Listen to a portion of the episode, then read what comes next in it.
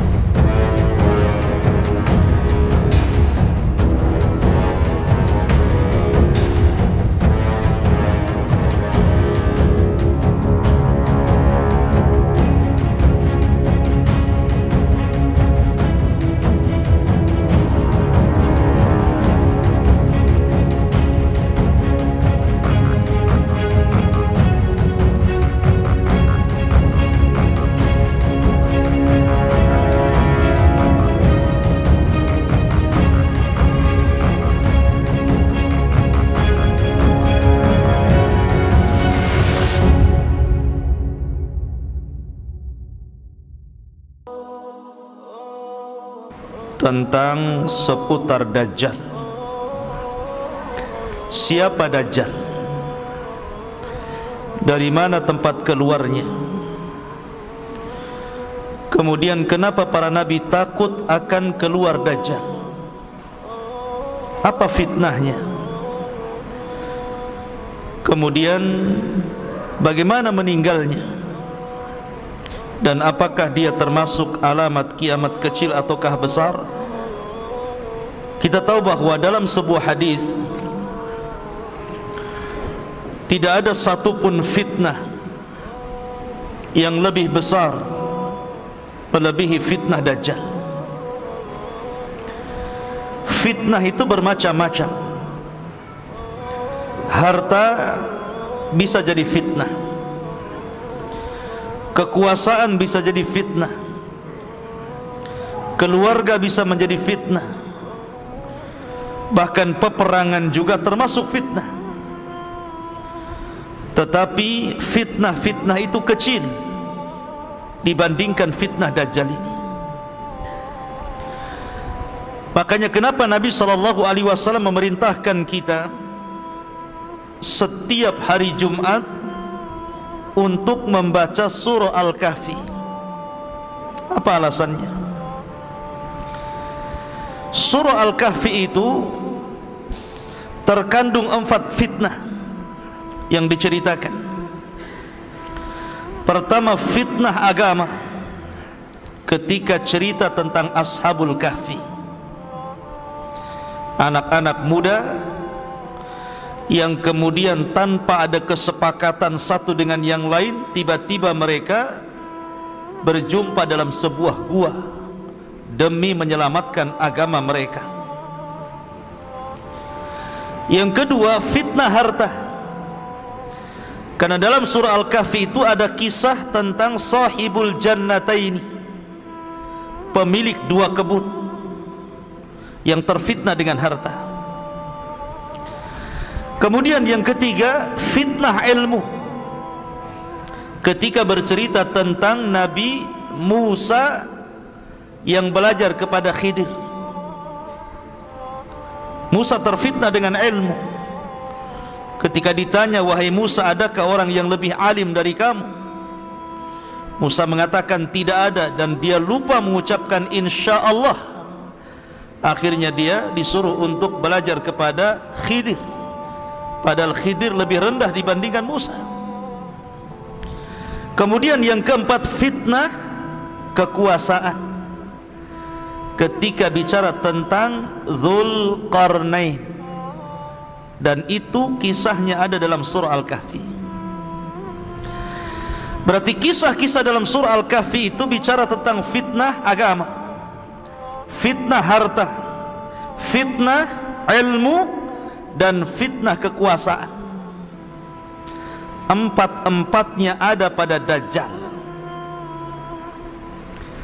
ini empat fitnah ini semua ada pada Dajjal. Pertama fitnah agama. Dajjal akan memfitnah agama kita. Ketika dia datang kepada Al-A'rab orang-orang Arab Badui kemudian mengatakan kepada mereka maukah kuhidupkan ibu bapa kalian tapi syaratnya engkau harus mengakui aku adalah Rabb kalian. Maka tiba-tiba Dajjal pun kemudian menghidupkan ibu bapa mereka. Tiba-tiba ibu bapa mereka mengatakan kepada anak-anaknya ya bunai wahai anakku ikutilah orang ini maksudnya Dajjal. Fa innahu rabbukum karena dia Rabb kalian. Akhirnya orang-orang Arab Badui pun menyembah dajjal terfitnah agamanya lihat. Yang kedua fitnah harta. Karena kemunculan dajjal itu sebelumnya terjadi kekeringan yang luar biasa. Tahun pertama tidak ada hujan sepertiga langit dan Allah juga tidak menumbuhkan tumbuh-tumbuhan sepertiga bumi tahun kedua Allah subhanahu wa ta'ala menahan dua per tiga langit. Maka Allah tahan juga dua per tiga bumi untuk tidak tumbuh-tumbuhan. Kemudian tahun yang terakhir yang ketiga seluruh langit Allah tahan. Sehingga semua bumi Allah tahan untuk tidak tumbuh-tumbuh-tumbuhan. Mulailah banyak kelaparan. Banyak hewan-hewan ternak mati Di sinilah Dajjal datang kepada orang-orang yang sedang kelaparan itu dengan membawa satu gunung roti. Siapa yang ingin mendapatkan makanan, terhindar dari kelaparan, tanahnya kembali disibuk disuburkan. Kemudian ternak-ternaknya kembali digemukkan, maka harus mengakui Dajjal Tuhan. Dia terfitnah dengan harta akhirnya hanya karena menerima pemberian Dajjal mereka pun akhirnya mengakui Dajjal lah Tuhan. Terfitnah dengan harta. Kemudian yang ketiga terfitnah dengan kekuasaan. Sebagaimana Zulkarnain menguasai dunia kemudian juga Sulaiman menguasai dunia maka Dajjal juga sama tidak ada satupun bumi kecuali diinjak dajjal. Walaupun waktunya hanya 40 hari satu hari seperti setahun satu hari bagaikan satu bulan satu hari seolah-olah satu Jumat satu minggu. Dan hari-hari berikutnya sama dengan hari-hari kalian selama 40 hari ini tidak ada satupun tanah kecuali diinjak Dajjal. Dan Dajjal sampai ke daerah kutub yang satu harinya sama dengan setahun. Sampai ke daerah kutub yang satu harinya sama dengan sebulan. Sampai ke daerah kutub yang satu harinya sampai dengan satu minggu dan Dajjal lebih banyak tinggal di hari-hari yang normal seperti hari-hari yang kita jalani tidak ada satupun tempat Dajjal berhasil menguasai bumi. Dia berkuasa terhadap bumi ini. Kecuali Mekah dan Madinah dan Masjidil Aqsa serta Masjid Tur. Ini empat tempat tidak mungkin dimasuki Dajjal. Mekah dan Masjidil Haram Madinah dan Masjid Nabawi Masjidil Aqsa dan Masjid Tur markasnya kaum muslimin tempat bersembunyinya Imam Mahdi dan kaum muslimin dari kepungan Dajjal Masjid Tur. Ya. tetapi selain empat tempat ini semua diinjak Dajjal. Termasuk ke Batam termasuk ke Batam. Termasuk ke Tiban termasuk ke Tiban. Termasuk ke Bengkong sana. Mana lagi. Semua akan diinjak Dajjal dan ini fitnah kekuasaan. Kemudian yang keempat fitnah ilmu. Karena kalau orang itu menghadapi Dajjal dan tidak punya ilmu maka dipastikan dia akan menjadi pengikut Dajjal. Dipastikan orang-orang jahil akan mengikuti Dajjal. Makanya Nabi SAW bersabda gimana kata Nabi SAW seandainya Dajjal keluar kata Rasul in yakhrujud Dajjal wa ana fikum fa ana hajijuhu dunakum. Kalau seandainya Dajjal keluar kepada kalian dan aku masih hidup kata Rasulullah aku yang akan membunuhnya wa iya khruj fikum wa lastu fikum tapi kalau Dajjal keluar kepada kalian sementara saya tidak ada lagi di hadapan kalian, saya sudah meninggal. Fakullu mri'in hajiju nafsihi. Maka setiap jiwa harus menghadapi Dajjal masing-masing dan tidak ada perlindungan kecuali perlindungan Allah. Karena tidak ada yang bisa mengalahkan Dajjal kecuali seorang nabi. Ada perang lagi di sini. Ya. Perang. Ya. Ya. Jadi di sini Dajjal oleh Nabi Shallallahu Alaihi Wasallam diancam kalau Dajjal itu keluar sementara aku hidup, aku yang akan membunuhnya, aku yang akan menghadapinya. Dari sini kata para ulama tidak ada yang bisa menghadapi Dajjal kecuali memiliki dua perkara. Satu iman, yang kedua ilmu. Iman dan ilmu. Harus ada. Makanya Nabi SAW mengatakan kalau Dajjal hidup aku yang akan menghadapinya kalau sama-sama hidup di zamanku. Karena tidak ada yang kuat imannya tidak ada yang kuat ilmunya melebihi Rasul sallallahu alaihi wasallam. Makanya terkadang heran. Terkadang kalau kita bicara Dajjal Banyak juga yang komentar Macam-macam. Imam Mahdi pasti keluar. Tahun sekian pasti Dajjal keluar.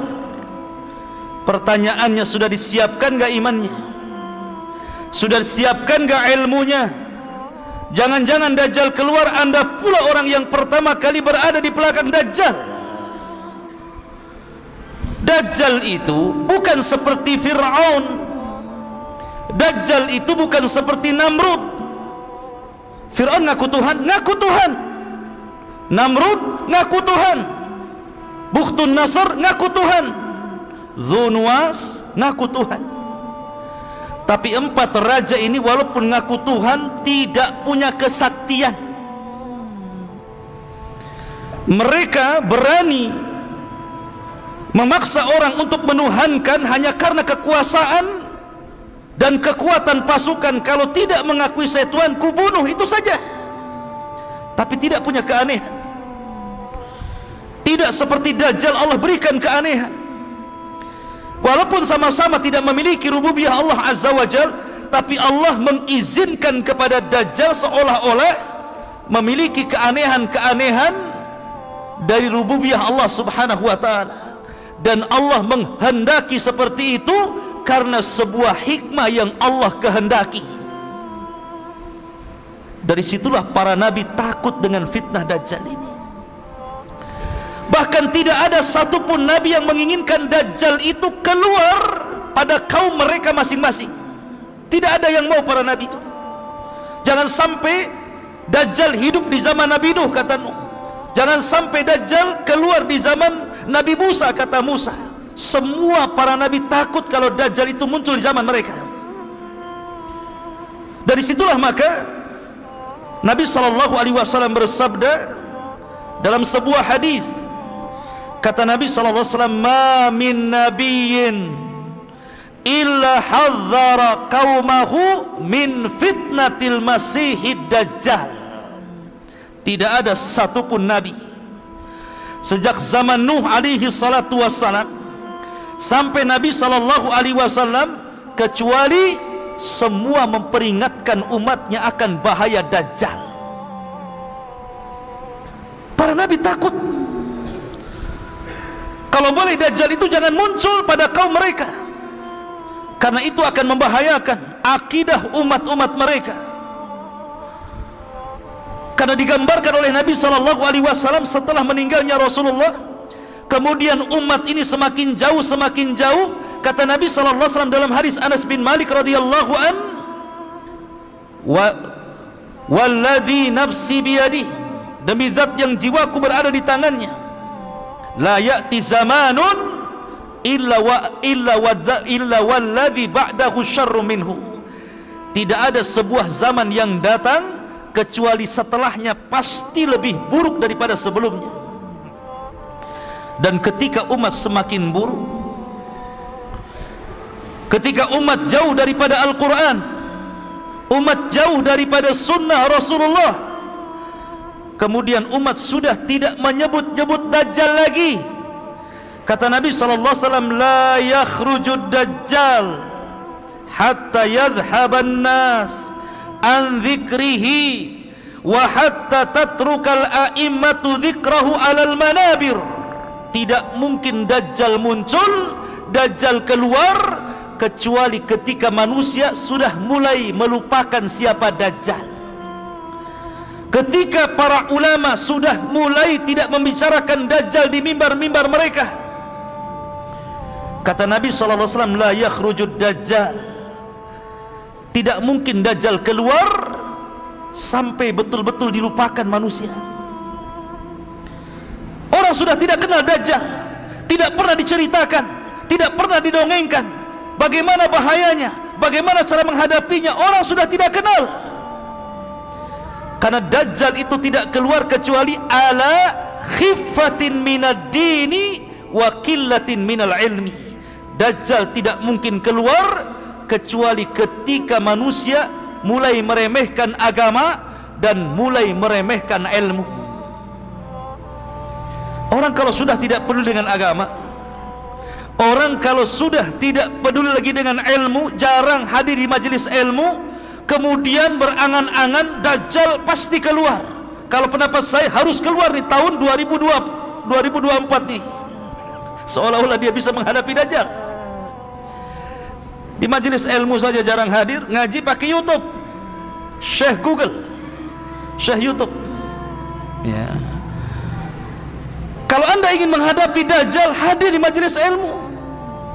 Bukan hanya semangat saja Imam Mahdi pasti keluar Dajjal akan muncul kita akan hadapi kita perangi Dajjal. Wah kayak iya saja dia.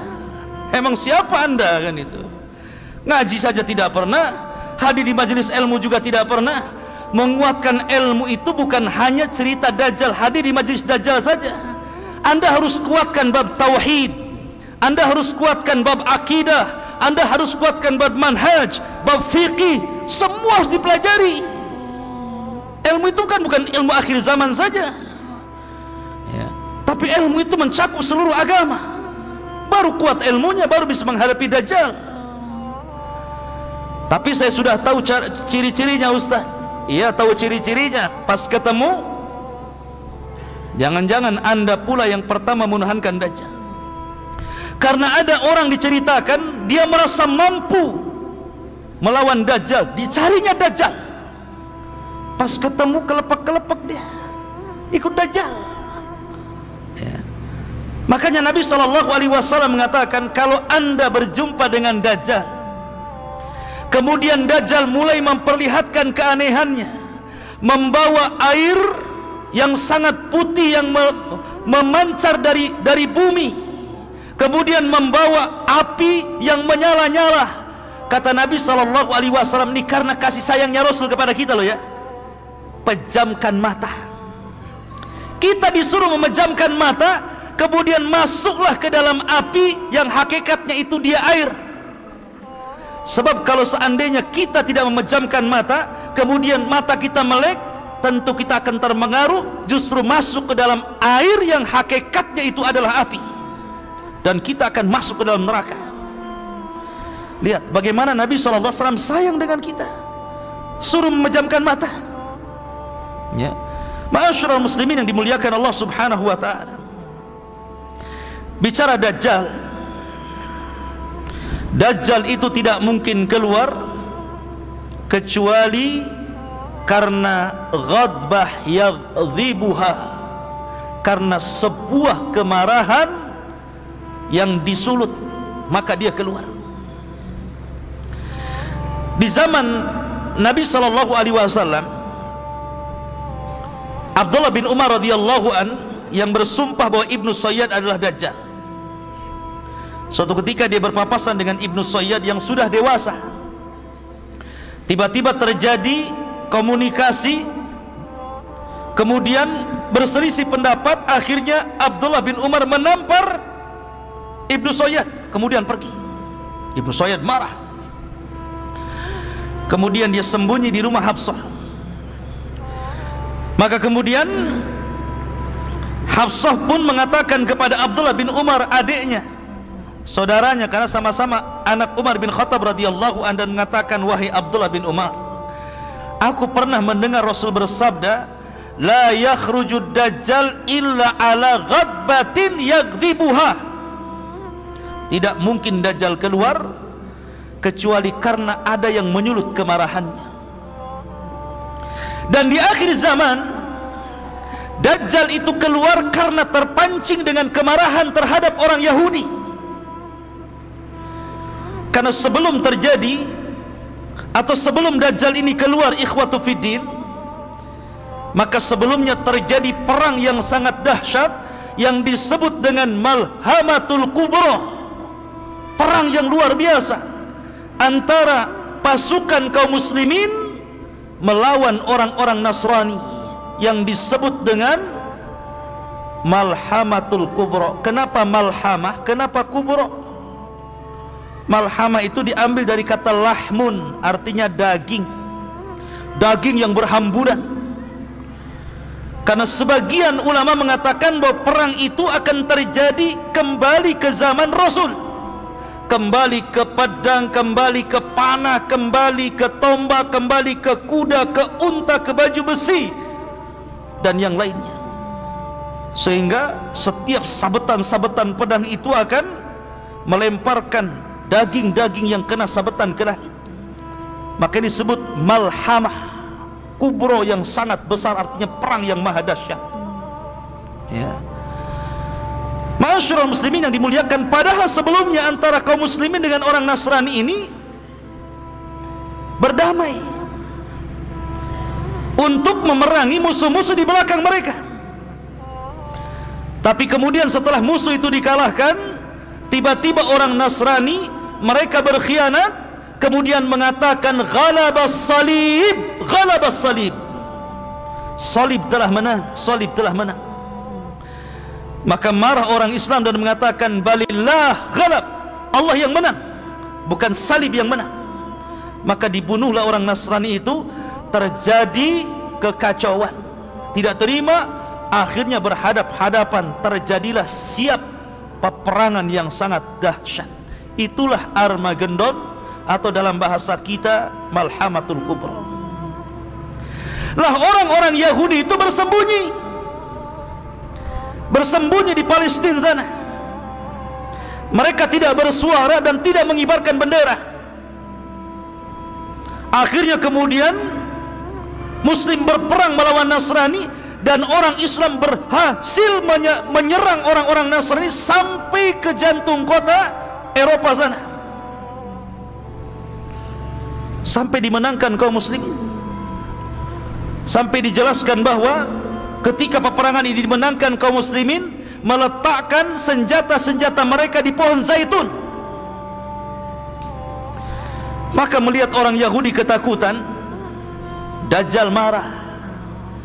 Dan tidaklah Dajjal keluar kecuali bi ghadbatin yaghdhibuha. Karena kemarahan yang disulut orang-orang Yahudi. Marah Dajjal kepada orang Yahudi kenapa kamu diam saja gitu bahasanya maka bangkitlah Dajjal. Dari mana Dajjal? Dalam hadis yang sahih keluar dari Khurasan. Di mana Khurasan?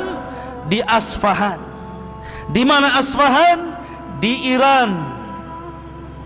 Di situ sudah ditunggu di kampung Yahudi 70 ribu pasukan orang-orang Yahudi Asfahan lengkap dengan atribut Yahudi di kepalanya alaihim toyalis kata Rasulullah.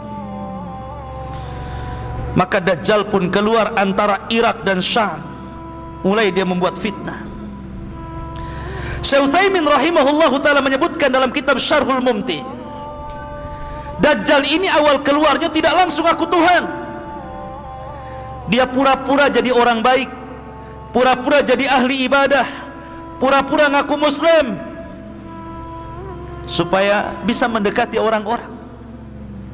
Eh lama-lama ngaku nabi.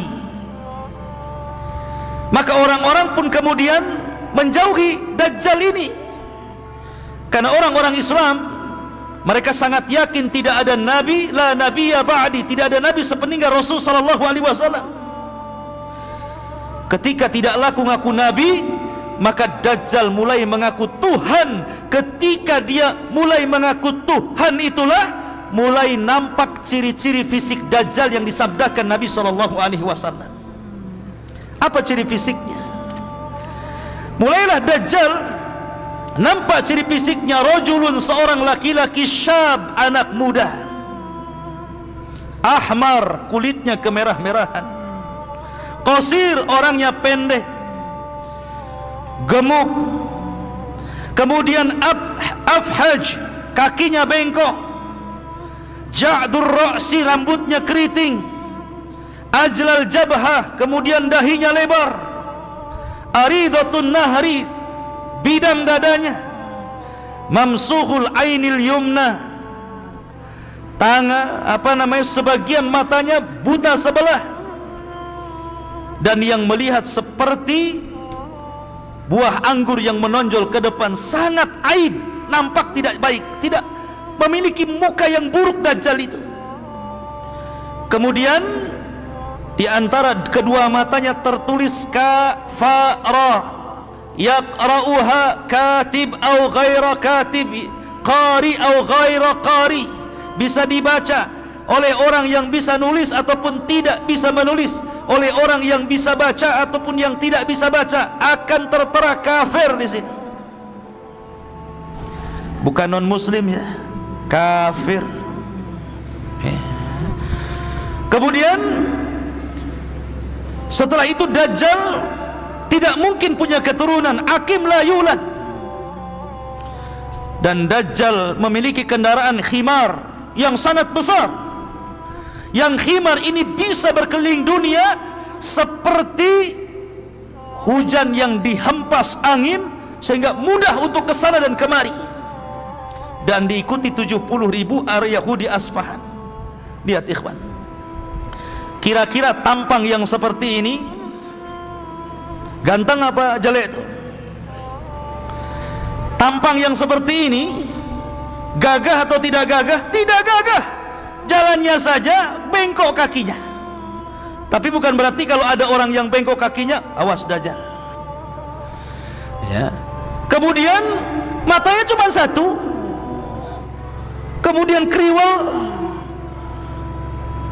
Kemudian tertulis kafir dan nggak bisa dihapus. Ya. Muslimin yang dimuliakan, lihat, bentuk dajjal itu jelek. Bentuk dajjal itu jelek. Tetapi masalahnya bukan itu. Karena Allah Subhanahu wa taala sudah memberikan keanehan-keanehan kepada dajjal, dia mampu melakukan apa-apa yang tidak bisa dilakukan manusia, manusia biasa, tukang sihir sekalipun tidak bisa. karena dia pakarnya di atas tukang-tukang sihir ya. dia rajanya tukang sihir bagaimana tidak bisa ikhwatu fidin dunia ngikut dajjal? Bukan dajjal ngikut dunia.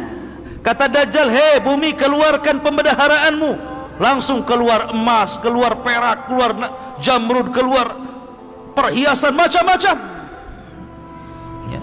kalau dajjal mengatakan kepada langit hujan kamu maka langit hujan.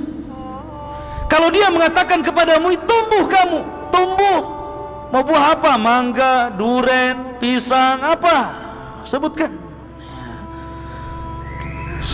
Gimana orang-orang tidak terpikat dengan dajjal? Walaupun jelek kayak gitu ya orang-orang tertariklah dengan dajjal. Maaf ya apalagi ibu-ibu. Itu suka kali sama dajjal itu. Ya. Kenapa coba yang banyak nanti di akhir zaman para pengikut dajjal itu ibu-ibu? Karena kesenangan ibu-ibu itu berbeda dengan kesenangan bapak-bapak. Bapak-bapak itu senangnya cuma satu perempuan. Makanya kalau dia gabung di grup cerita poligami saja. Tapi kalau ibu-ibu grupnya itu isinya gambar tas gambar baju gambar gelang. Ya kan bu ya? Jarang cerita bilang cerita bapak poligami jarang. Marah yang ada ya. Artinya kesenangan ibu-ibu itu kepada harta lebih makanya terfitnah dengan harta. Apa pun yang dimau ibu-ibu sama dajjal ha mau apa? Mau tas? Merek apa? Semua dikasih. Sehingga karena kejahilannya karena ta'assubnya karena mengikuti hawa nafsu dan perasaannya sehingga para wanita akan lebih banyak menjadi pengikut dajjal dibandingkan laki-laki. Sampai karena takutnya bapak-bapak kepada ibu pulang dia. Dicarinya anak perempuannya dicarinya ibunya dicarinya saudarinya dicarinya bibinya dirantai. Jangan sampai berjumpa dengan dajjal. Sampai dirantai. Tapi jangan dirantai dari sekarang ya. Ya. Nanti kalau keluar dajjal Ma'asyiral muslimin yang dimuliakan Allah Azza wa Jalla. Tapi di sini ikhwatu fiddin dengan melihat fisik dajjal yang jelek itu. Dajjal ini mengaku Tuhan. Dan diberikan keanehan yang luar biasa. Anehnya dia tidak bisa menghapus kafir di dahinya. Dia bisa mengatakan kepada langit hujan kamu hujan bumi tumbuh tumbuh. Keluar kamu pendaraan bumi keluar.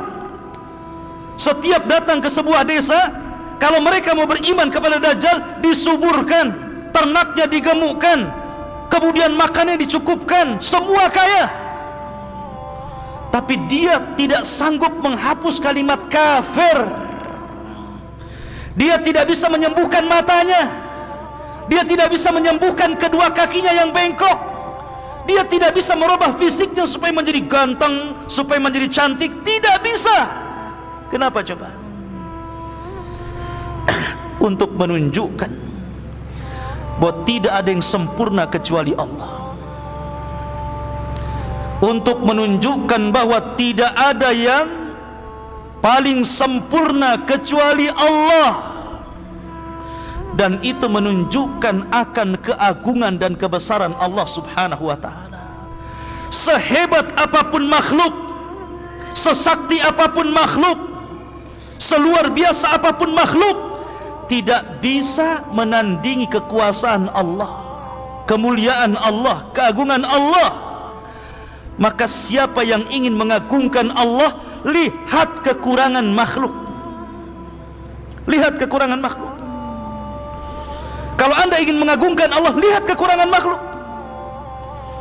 Baik makhluk itu orang baik ataukah makhluk itu orang jahat? Saya contohkan. Nabi SAW baik atau jahat? Baik. Tapi Nabi SAW ketika perang Uhud gigi gerhamnya pecah berdarah. Kemudian serpihan helm perangnya nancap di pipinya dalam. Sampai yang mencabut sahabat dengan giginya giginya rompong. Ada bekas lukanya Rasulullah. Kenapa Rasul terluka? Kenapa gigi Rasul sampai pecah? Untuk menunjukkan bahwa sekalipun dia nabi sekalipun dia rasul sekalipun diberikan mukjizat tetap saja ada kekurangannya di situ karena tidak ada yang sempurna kecuali Allah Subhanahu wa taala.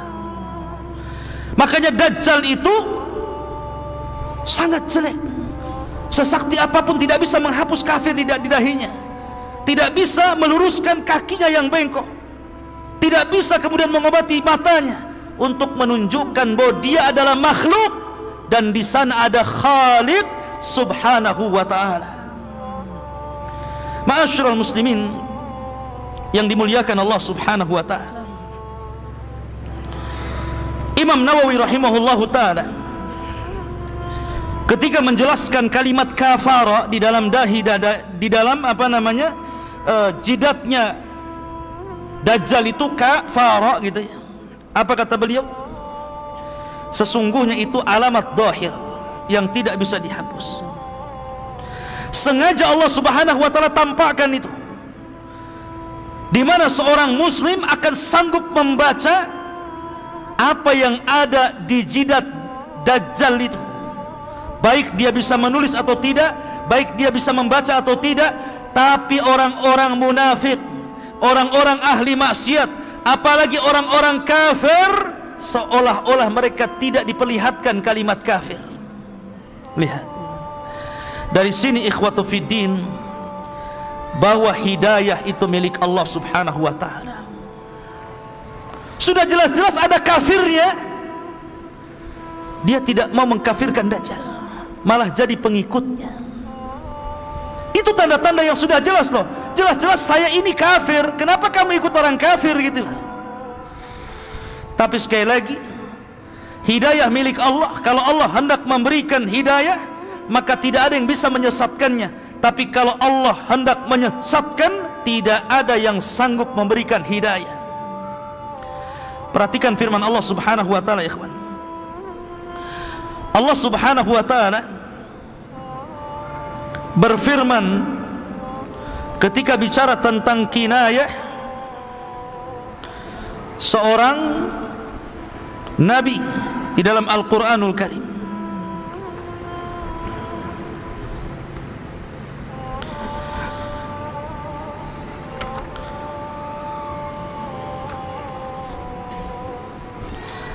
Allah Subhanahu wa taala menjelaskan tentang bahwa hidayah itu milik Allah Subhanahu wa taala. Innaka la tahdi man ahbabta walakinallaha yahdi man yasha. Sesungguhnya ya Muhammad Engkau tidak akan mampu memberikan hidayah kepada orang yang kau cintai Karena hidayah itu hanya milik Allah subhanahu wa ta'ala Allah yang kasih kepada siapa yang dikehendaki. Dari sini maka karena hidayah itu milik Allah maka mintalah perlindungan kepada Allah. Kalau seandainya Allah takdirkan Dajjal muncul agar kita diistiqomahkan dan tidak mudah goyah keimanan kita. Karena Allah subhanahu wa ta'ala itu mudah membolak-balikan hati orang. Pagi dia beriman sore dia kafir. Sore dia beriman pagi sudah kafir. Masyurul muslimin ini fitnah yang luar biasa. Baik kita akan urut. Masyurul muslimin yang dimuliakan Allah subhanahu wa ta'ala. Siapa para pengikut Dajjal? Saya katakan di awal bahwa Dajjal itu akan muncul di Khurasan. Kemudian akan diikuti 70 ribu Yahudi Asfahan lengkap dengan atribut Yahudi di kepalanya. Dari situlah mulai Dajjal melanglang buana. Kemudian Dajjal pun mulai memerangi bangsa Arab. Kemudian banyak orang-orang Arab akhirnya ikut Dajjal orang-orang Arab yang jahil. Banyak yang ikut Dajjal. Kemudian nyasar ke orang-orang Turuk orang-orang Turuk itu orang-orang yang matanya sama dengan mata kita. Kayak orang-orang Asia model-model antum ini. Ya. Jadi matanya sipit wajahnya bulat gitu ya. Kulitnya putih itu kan orang-orang Asia. Orang-orang Turuk. Kemudian juga orang-orang asing. Bukan orang Arab. Kayak kita ini orang asing bukan orang Arab. Orang asing akan banyak menjadi pengikut Dajjal orang-orang Turuk banyak akan mengikut Dajjal termasuk juga para wanita. Saya katakan dari tadi para wanita akan banyak dan sangat banyak mengikuti Dajjal. Termasuk juga adalah orang-orang yang memang dari hatinya sudah penuh dengan kemunafikan dan kekafiran.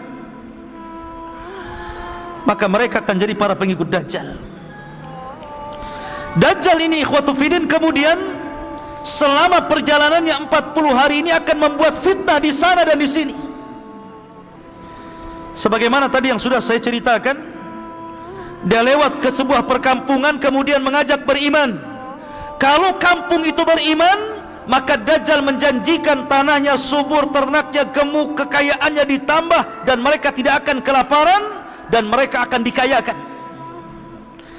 Tapi kalau tidak mau beriman ditinggalkan Dajjal tiba-tiba kering kelontang tanahnya. Hilang makanannya. Mati tumbuh-tumbuhannya mati binatang-binatangnya kelaparan. Begitulah Dajjal. Ya. seolah-olah di tangannya sorga dan neraka. Seolah-olah di tangannya air dan api. Padahal itu adalah sihir. Sihir yang ditampakkan syaitan Masyurul muslimin sampai akhirnya Dajjal berusaha untuk masuk ke dalam Mekah. Tetapi Dajjal tidak bisa masuk. Karena di Mekah itu dipagari oleh para malaikat dengan pedang yang terhunus. Maka Dajjal harus melawan malaikat dan pasti akan kalah. Makanya Dajjal kemudian tidak bisa masuk ke Makkah dan Masjidil Haram. Akhirnya bergerak ke Madinah Rupanya di Madinah sama. Madinah itu tanah haram dikelilingi Dajjal. Sehingga Dajjal hanya naik ke atas bukit dan hanya melihat dari bukit itu kepada Masjid Nabawi. Kemudian Dajjal mengatakan hadza qasru abyad, hadza qasru Ahmad katanya. Inilah istana putih, inilah istana Ahmad maksudnya Masjid Nabawi, istananya Nabi wasallam. Subhanallah. Apa yang dikatakan Dajjal? Bahwa inilah Qasru Abiyad. Ini istana putih. Lihat Masjid Nabawi ini kalau di malam hari Cahaya yang memancar itu warna putih itu. Persis seperti sabda Rasul Kinayah dari perkataan Dajjal. Ya. Karena Dajjal tidak bisa masuk Madinah Geram dia. Kemudian dia hentakkan kakinya tiga kali maka dengan hentakan kaki Dajjal itu tiba-tiba gempa bumi Madinah itu salah sarajafat tiga kali gempa. Bergegar bumi. Maka orang-orang munafik ketakutan. Takut mati di dalam kota. Takut terkubur dengan tanah. Akhirnya orang-orang orang-orang fasik orang-orang munafik keluar dari Madinah.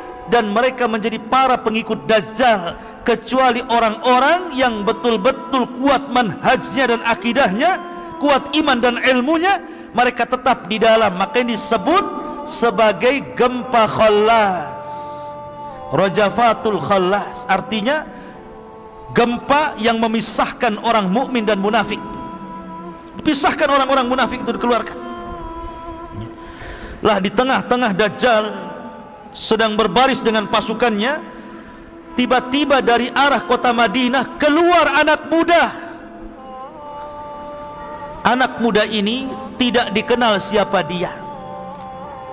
Kenapa muncul prediksi bahwa dia sudah lahir? Kemudian anak ini warnanya putih kulitnya putih dan dia mengatakan bahwa saya orang yang kelak akan dibunuh Dajjal khurafat. Tidak ada hadis yang mengatakan seperti itu Bagaimana diprediksi anak itu bisa dikatakan anak muda yang akan dibunuh Dajjal sementara hadis Rasul tidak menceritakan rumahnya di mana, siapa bapaknya, dari desa mana dia? Tidak ada. Hanya seorang laki-laki dari Madinah keluar. Anak muda yang kuat imannya, kuat ilmunya, kemudian mengarah kepada pasukan Dajjal, hampir dibunuh pasukan Dajjal, tapi kata pasukan Dajjal jangan dibunuh. Bukankah Tuhan kita melarang untuk membunuh orang? Biarkan dia yang membunuhnya. Maka kemudian mereka pun barisan terpencar anak muda ini jalan sampai betul-betul berjumpa dengan Dajjal. Ketika berhadap-hadapan dengan Dajjal, maka Dajjal mengatakan atas hadu anni ilahun. Maukah kau bersaksi saya ini Tuhan? Maka anak muda ini mengatakan Maz tidaklah menambah kepadaku kecuali pengetahuan engkau ini dajjalun kadzab alladhi akhbarani Rasulullah. Yang telah dihabarkan Rasul kepada aku.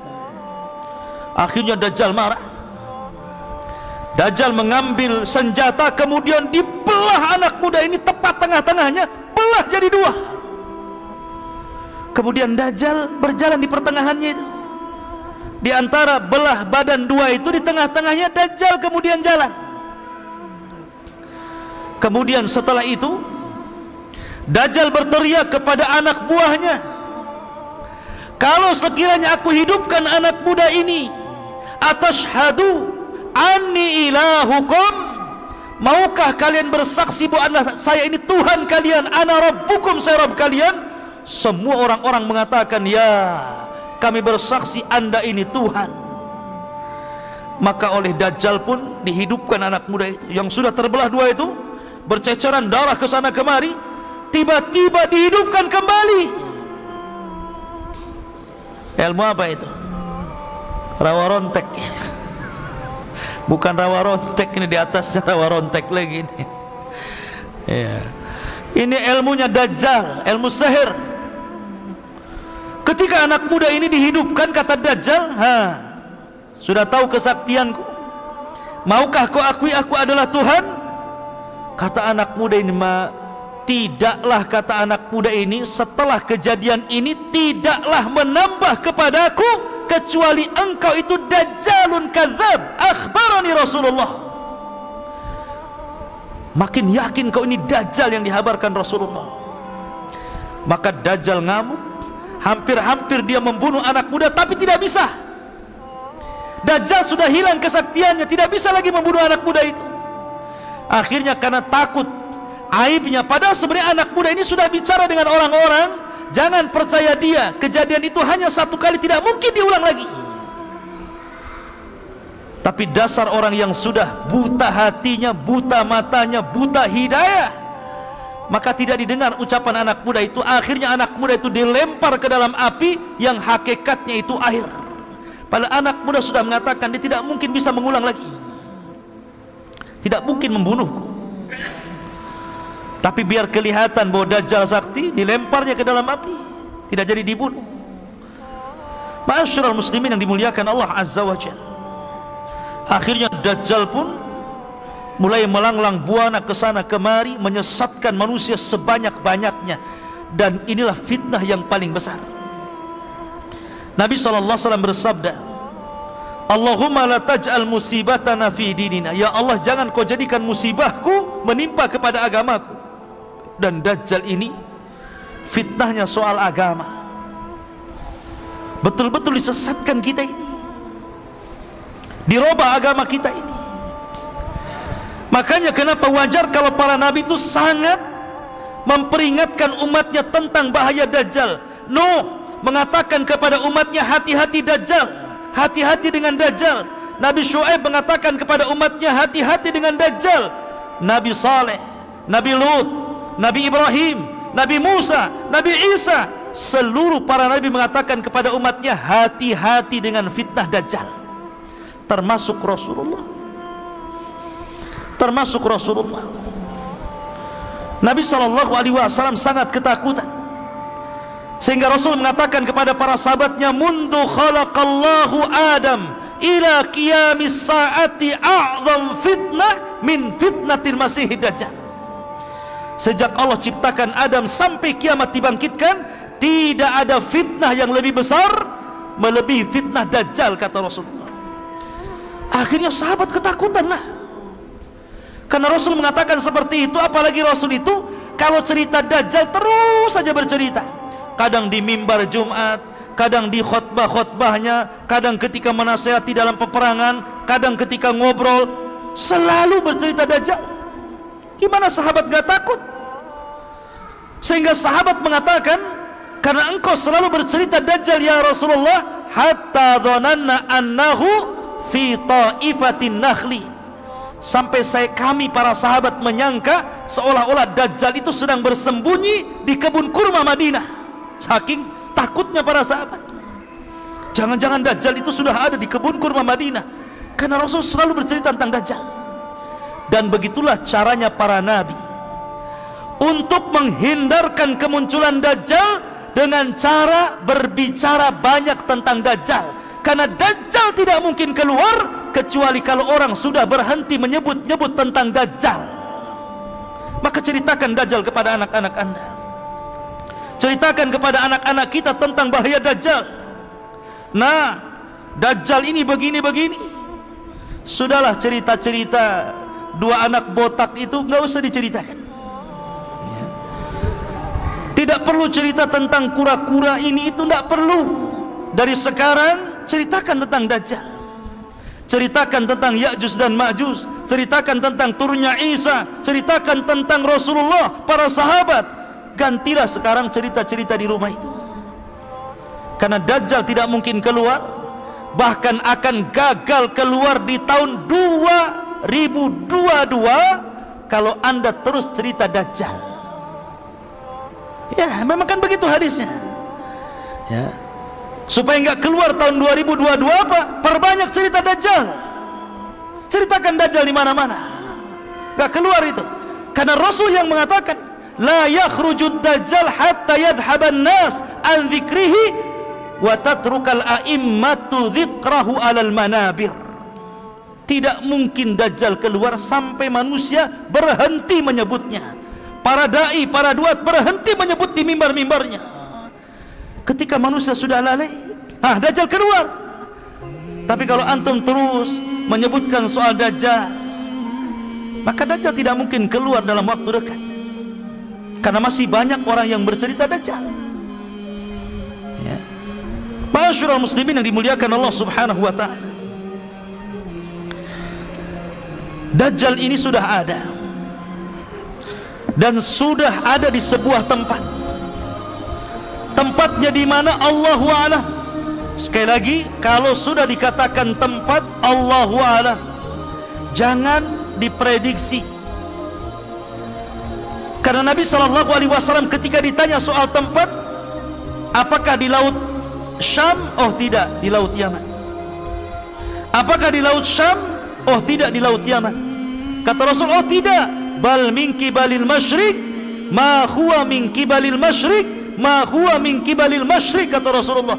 Oh bukan laut Syam bukan laut Yaman tapi sebelah timur sebelah timur sebelah timur. Tanpa menyebut di mana pulaunya pokoknya sebelah timur. Karena hadis yang ada hadis yang sahih sekali lagi Dajjal akan keluar pertama kali di mana? Di negeri yang banyak orang Syiahnya Iran Khurasan dan, dan akan terbunuh di negeri yang banyak Yahudinya. Babil Lut dekat Betul Maqdis bertepatan dengan Israel. Ya. Masyurul muslimin yang dimuliakan Allah Azza wa Jalla. Ada hadis yang sangat bagus. Kalau cerita tentang Dajjal. Hadis Tamim Ibn Aus Ad-Dari Tamim ibn Aus Ad-Dari ini ikhwatu fidin adalah seorang sahabat. Dulunya Nasrani kemudian masuk Islam. Tamim Ad-Dari ini ahli ibadah termasuk ahli ibadah Palestin. Bahkan terkadang satu malam dia sholat hanya membaca satu ayat diulang-ulang sampai subuh. Dan dia menangis. Dialah yang menerangi masjid Rasulullah dia pula yang membuatkan mimbar Rasul sallallahu alaihi wasallam Tamim ibn Aus Ad-Dari. Orang yang sangat dihormati Umar ibn Khattab karena punya karamah yang dohiroh yang nampak. Jadi ada kisah demikian. Kenapa Umar sangat menghargai Tamim ibn Aus Ad-Dari ini? Jadi ketika Abu Bakar memerangi Musailamah Al-Kadzab si Nabi KW Nabi palsu maka terjadilah peperangan di Yamamah. Banyak orang-orang yang hafal Quran meninggal dunia. Dan Musailamah berhasil dibunuh oleh Wahsy budaknya Hindun kemudian orang-orang yang selamat dari orang-orang kafir bersembunyi. Salah satunya saudara Musailamah namanya Harmalah Hanafi. Masih ada saudara dengan Musailamah Al-Kadzab bersembunyi dia. Ketika Abu Bakar meninggal dunia. Khalifah kemudian naik Umar ibn Khattab radhiyallahu an. Datang Harmalah kepada Umar ingin masuk Islam. Kemudian dia mengatakan ya Umar inni taib qabla an taqdiru alayya. Ya Umar saya bertobat. Bertobat kepada Allah. Saya ingin masuk Islam sebelum kau tangkap aku. Takut kalau sebelum ditangkap dia tidak bertobat bisa dipenggal tuh. Maka dia mengatakan saya tobat sebelum kau tangkap aku katanya Kata Umar Ibn Khattab kalau engkau ingin bertobat Ingin belajar agama Ah pergi sana ke Palestina Di sana ada Sayyidul Muslimin Pemimpinnya orang Muslim. Tamim Ibn Aus Ad-Dari Ada di sana. Dan ingat Tamim Ibn Aus Ad-Dari ini punya kebiasaan. Suka memukul orang di samping kanan dan di samping kiri. Bukan dipukul keras-keras tidak. Ya Jadi tepak gitu saja. Tepak gitu kemudian ditarik tangannya. Ayo makan di rumah. Selalu seperti itu. Siapa pun yang duduk di samping kiri Tamim ibn Aus Adari ha, dia kebagian makan di rumahnya. Itu kebiasaannya ngajak makan. Coba antum buat kayak gitu biar saya bisa duduk di samping antum. Ya kan? Jadi kebiasaan Tamim ngajak makan Masya Allah. Ya baiknya Tamim ibn Aus Adari jadi suatu ketika terjadi kebakaran hebat di Hurrah, satu tempat. Api membubung di mana-mana, kebakaran hebat. Datanglah Umar bin Khattab kepada Tamim ibn Aus Ad-Dari dan mengatakan, "Ya Tamim, kau harus menyelesaikan kebakaran itu." Ya. Akhirnya kata Tamim, "Ma'ana ya Amirul Mukminin?" Siapa saya wahai Amirul Mukminin harus menyelesaikan kebakaran? Ya. Kata Umar ibn Khattab sudah kau harus menyelesaikannya. Berangkatlah Umar ibn Khattab Harmalah dan Tamim ibn Aus Ad-Dari. Sampai di tempat kebakaran Maka dia berdoa kepada Allah Azza wa Jal Kemudian dikebaskan tangannya Padam semua apinya. Karamah ikhwan. Karamah namanya. Ya. Kalau antum sampai 100 gini tetap ini. Nggak akan mati. Ya. Kecuali bawa mobil damkar. Baru mati ini karamah Tamim bin Aus Ad-Dari ya. Lah hebatnya di antara keutamaan Tamim bin Aus Ad-Dari ini tidak ada sepanjang sejarah Rasul mengambil cerita dari sahabat kemudian diceritakan kembali ke sahabat kecuali ceritanya Tamim ibn Aus Ad-Dari tentang Dajjal karena ceritanya Tamim persis seperti cerita Dajjal yang selalu Rasul ceritakan kepada para sahabatnya.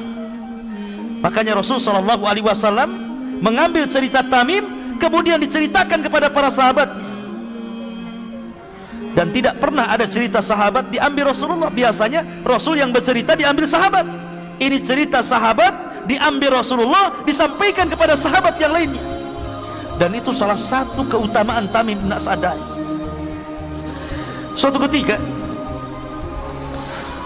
Hadis ini dikeluarkan Imam Muslim dari hadis Fatimah ibn Qais. Kata Fatimah ibn Qais, aku mendengar ada seorang yang menyuruhkan as-salatul jami'ah. Kalau ada seruan as-salatul jami'ah berarti ada sesuatu yang penting yang harus hadir di masjid. Makanya dalam solat kusuf gerhana itu disunnahkan kalimat bukan azan tapi menyebut as-salatu jamiah kalau ngundang orang. Jadi kalau terjadi gerhana, antum ke masjid, ambil mic as-salatul jamiah. Biar orang-orang datang. Bukan azan. Ya. Maka orang-orang pun kemudian datang. Setelah itu kemudian Nabi sallallahu alaihi wasallam salat. Setelah salat kemudian Nabi sallallahu alaihi wasallam berceramah naik ke atas mimbar.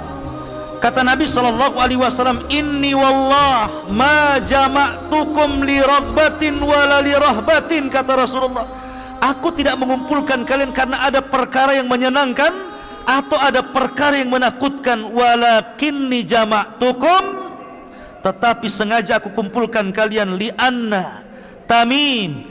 Ibn Aus ad-Dari kana rajulan nasraniyan faja'a fabaya'a wa aslama wa haddathani hadithan wa faqa alladhi kuntu uhaddithukum anil masih dajjal akan tetapi kata Rasul sengaja aku kumpulkan kalian ada seseorang namanya Tamim bin Aus ad-Dari baru saja datang berbaiat kepadaku, masuk Islam kepada agamaku. Dia menceritakan sebuah cerita persis seperti yang aku ceritakan kepada kalian tentang Dajjal.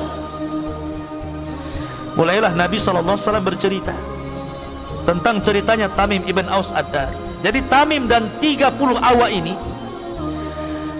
hendak melakukan perjalanan perniagaan, mau dagang. Ya. Rupanya di tengah lautan datang ombak sangat besar menggulung kapalnya dipermainkan ombak sehingga kapalnya akhirnya terhempas sedikit demi sedikit entah berantah ada di pulau mana tiba-tiba berhari-hari ada yang mengatakan syahron satu bulan diombang ambing tah ke mana akhirnya tiba-tiba Tamim bin Aus Adari terdampar di sebuah pulau setelah satu bulan dipermainkan ombak Bayangkan satu bulan dipermainkan ombak. Ya. Bahkan mereka sudah membuang semua isi perahu biar enteng, biar tidak berat. Sehingga mereka mengalami kebangkrutan.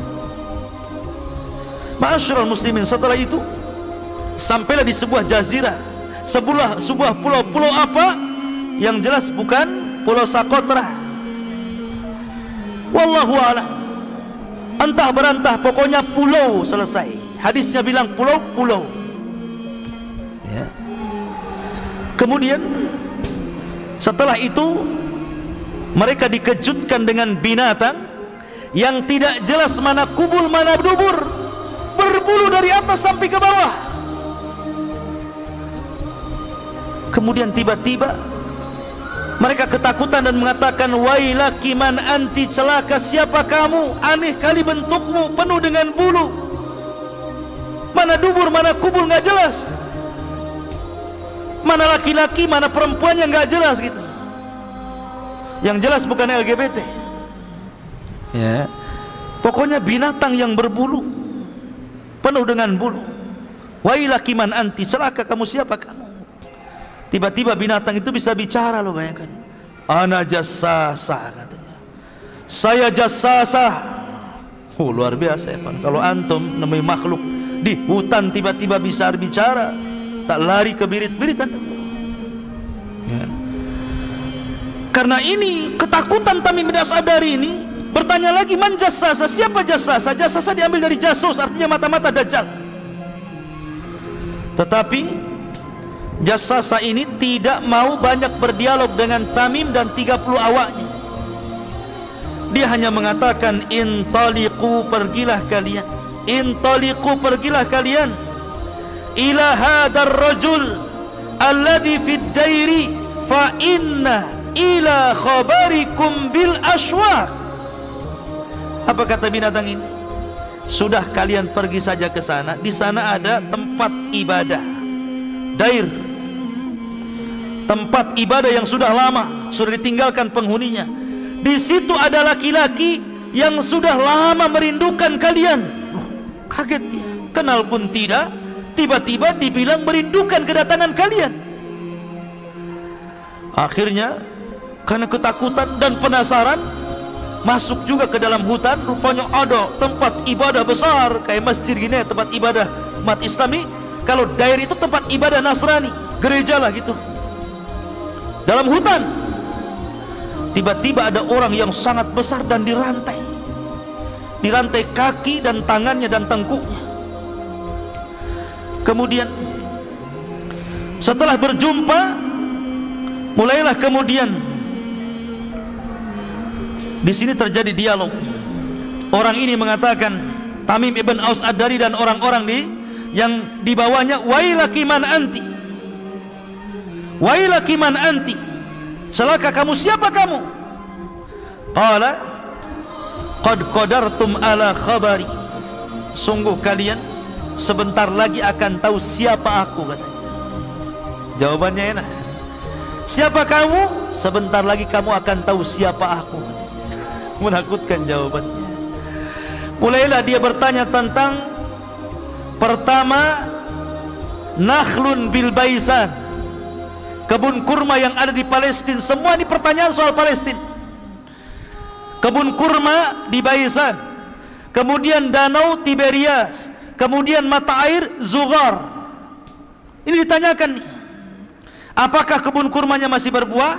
Apakah danaunya masih berair apakah mata airnya masih penuh dengan air dan dipakai pertanian? Maka kata Tamim ibn Aus Ad-Dariyah kurmanya masih banyak dan itu kurma terbaik di Arab. Airnya masih penuh mata airnya masih lancar.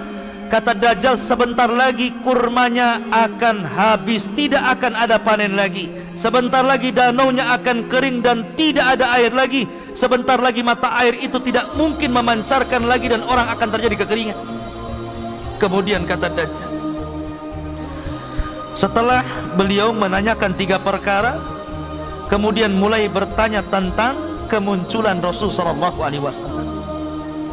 Kata orang ini dia mengatakan akhbiruni an nabiyyin ummiyin. Ceritakan tentang seorang nabi yang diutus kepada orang yang ummi itu. Hal dohar apakah sudah tampak maka kata Tamim ibn Aus Adariyah dia sudah tampak dia seorang nabi yang asalnya Mekah kemudian hijrah hijrah ke Yathrib kata Dajjal gimana? Perbuatan kaumnya apakah memerangi atau tidak? Ya memeranginya. Terus bagaimana menurut kalian tentang orang-orang yang ada di Yathrib apakah ikut memeranginya? Tidak mereka adalah orang-orang yang baik yang mengikuti dan taat kepada nabi tersebut. Kata Dajjal sungguh mereka benar. Sungguh mereka benar. Maka Dajjal mengatakan kepada Tamim dan para pengikutnya ikutilah Nabi itu fa innahu alal haq. Dia di atas kebenaran. Dajjal nyuruh ngikuti Nabi. Ya. fa innahu alal haq dia di atas kebenaran. Maka akhirnya kun Dajjal mengatakan sebentar lagi aku sudah akan diizinkan Allah untuk keluar dan tidak ada satupun tapak di bumi ini melainkan aku injak kecuali Mekah dan Madinah dan Tayyibah Madinah disebut Tayyibah kata Dajjal. Kemudian Dajjal mengatakan aku tidak bisa masuk ke dua tempat tersebut karena ada malaikat yang menjaganya. Ketika Tami menceritakan sampai di situ Rasul mengambil tongkat kemudian memukul-mukul dan mengatakan hadihi Tayyibah hadihi Tayyibah inilah Madinah. Inilah Madinah. Dengan bangganya Dajjal tidak akan masuk di situ. Kemudian Nabi SAW mengatakan sungguh aku sangat takjub dengan cerita Tamim. Sesungguhnya ceritanya sama dengan apa yang aku ceritakan kepada kalian. Dan sesungguhnya Dajjal itu innahu min bahri Syam. Innahu min bahril Yaman. Oh Dajjal itu ada di laut Syam. Oh bukan. Ada di laut Yaman. La bal hiya min kibalil masyrik ma huwa min kibalil masyrik ma huwa min kibalil masyrik ma huwa wa au ama biyadihi ilal masyrik oh bukan. Bukan laut Yaman. Bukan laut Syam tapi Dajjal itu sebelah timur. Dajjal itu sebelah timur. Dajjal itu sebelah timur dan dia mengisyaratkan dengan tangannya sebelah timur maka Dajjal tidak tahu di mana tempatnya tapi dari hadis Tamim ibn Aus Ad-Dari bahwa Dajjal itu ada dan sudah muncul Adapun hadis Nabi sallallahu alaihi wasallam bahwa tidak ada satupun jiwa yang hidup melebihi 100 tahun di zamanku pasti dia sudah mati. Maka hadis ini umum dan hadis dajjal itu khusus. Maka dajjal pengecualian dari hadis ini termasuk juga iblis, tidak bisa matikan iblis itu. Sejak zaman dulu sampai kiamat baru mati. Maka dajjal juga sama diberikan usia panjang. Ya. Lah ikhwatu fiddin karena Dajjal itu dikabarkan oleh Rasul sudah ada dan sangat menakutkan fitnahnya sehingga para sahabat menyangka bahwa Dajjal itu ada di kebun kurma Madinah. Sampai-sampai ketika ada kabar tentang anak kecil namanya Ibnu Sayyad atau Saf itu mirip dengan Dajjal ciri-cirinya. Sampai mereka khawatir uh Dajjal sudah keluar. Padahal Ibnu Sayyad masih kecil anak belum balik. Tapi Nabi Shallallahu Alaihi Wasallam dia berusaha untuk mencari-cari kabarnya. Apakah Ibnu Sayyad ini dajjal kecil yang akan menjadi dajjal besar kemudian yang akan keluar di akhir zaman? Maka dia mencoba untuk mencari-cari kabarnya. Di bawahnya Umar, di bawahnya Abu Bakar, kemudian dilihat-lihat.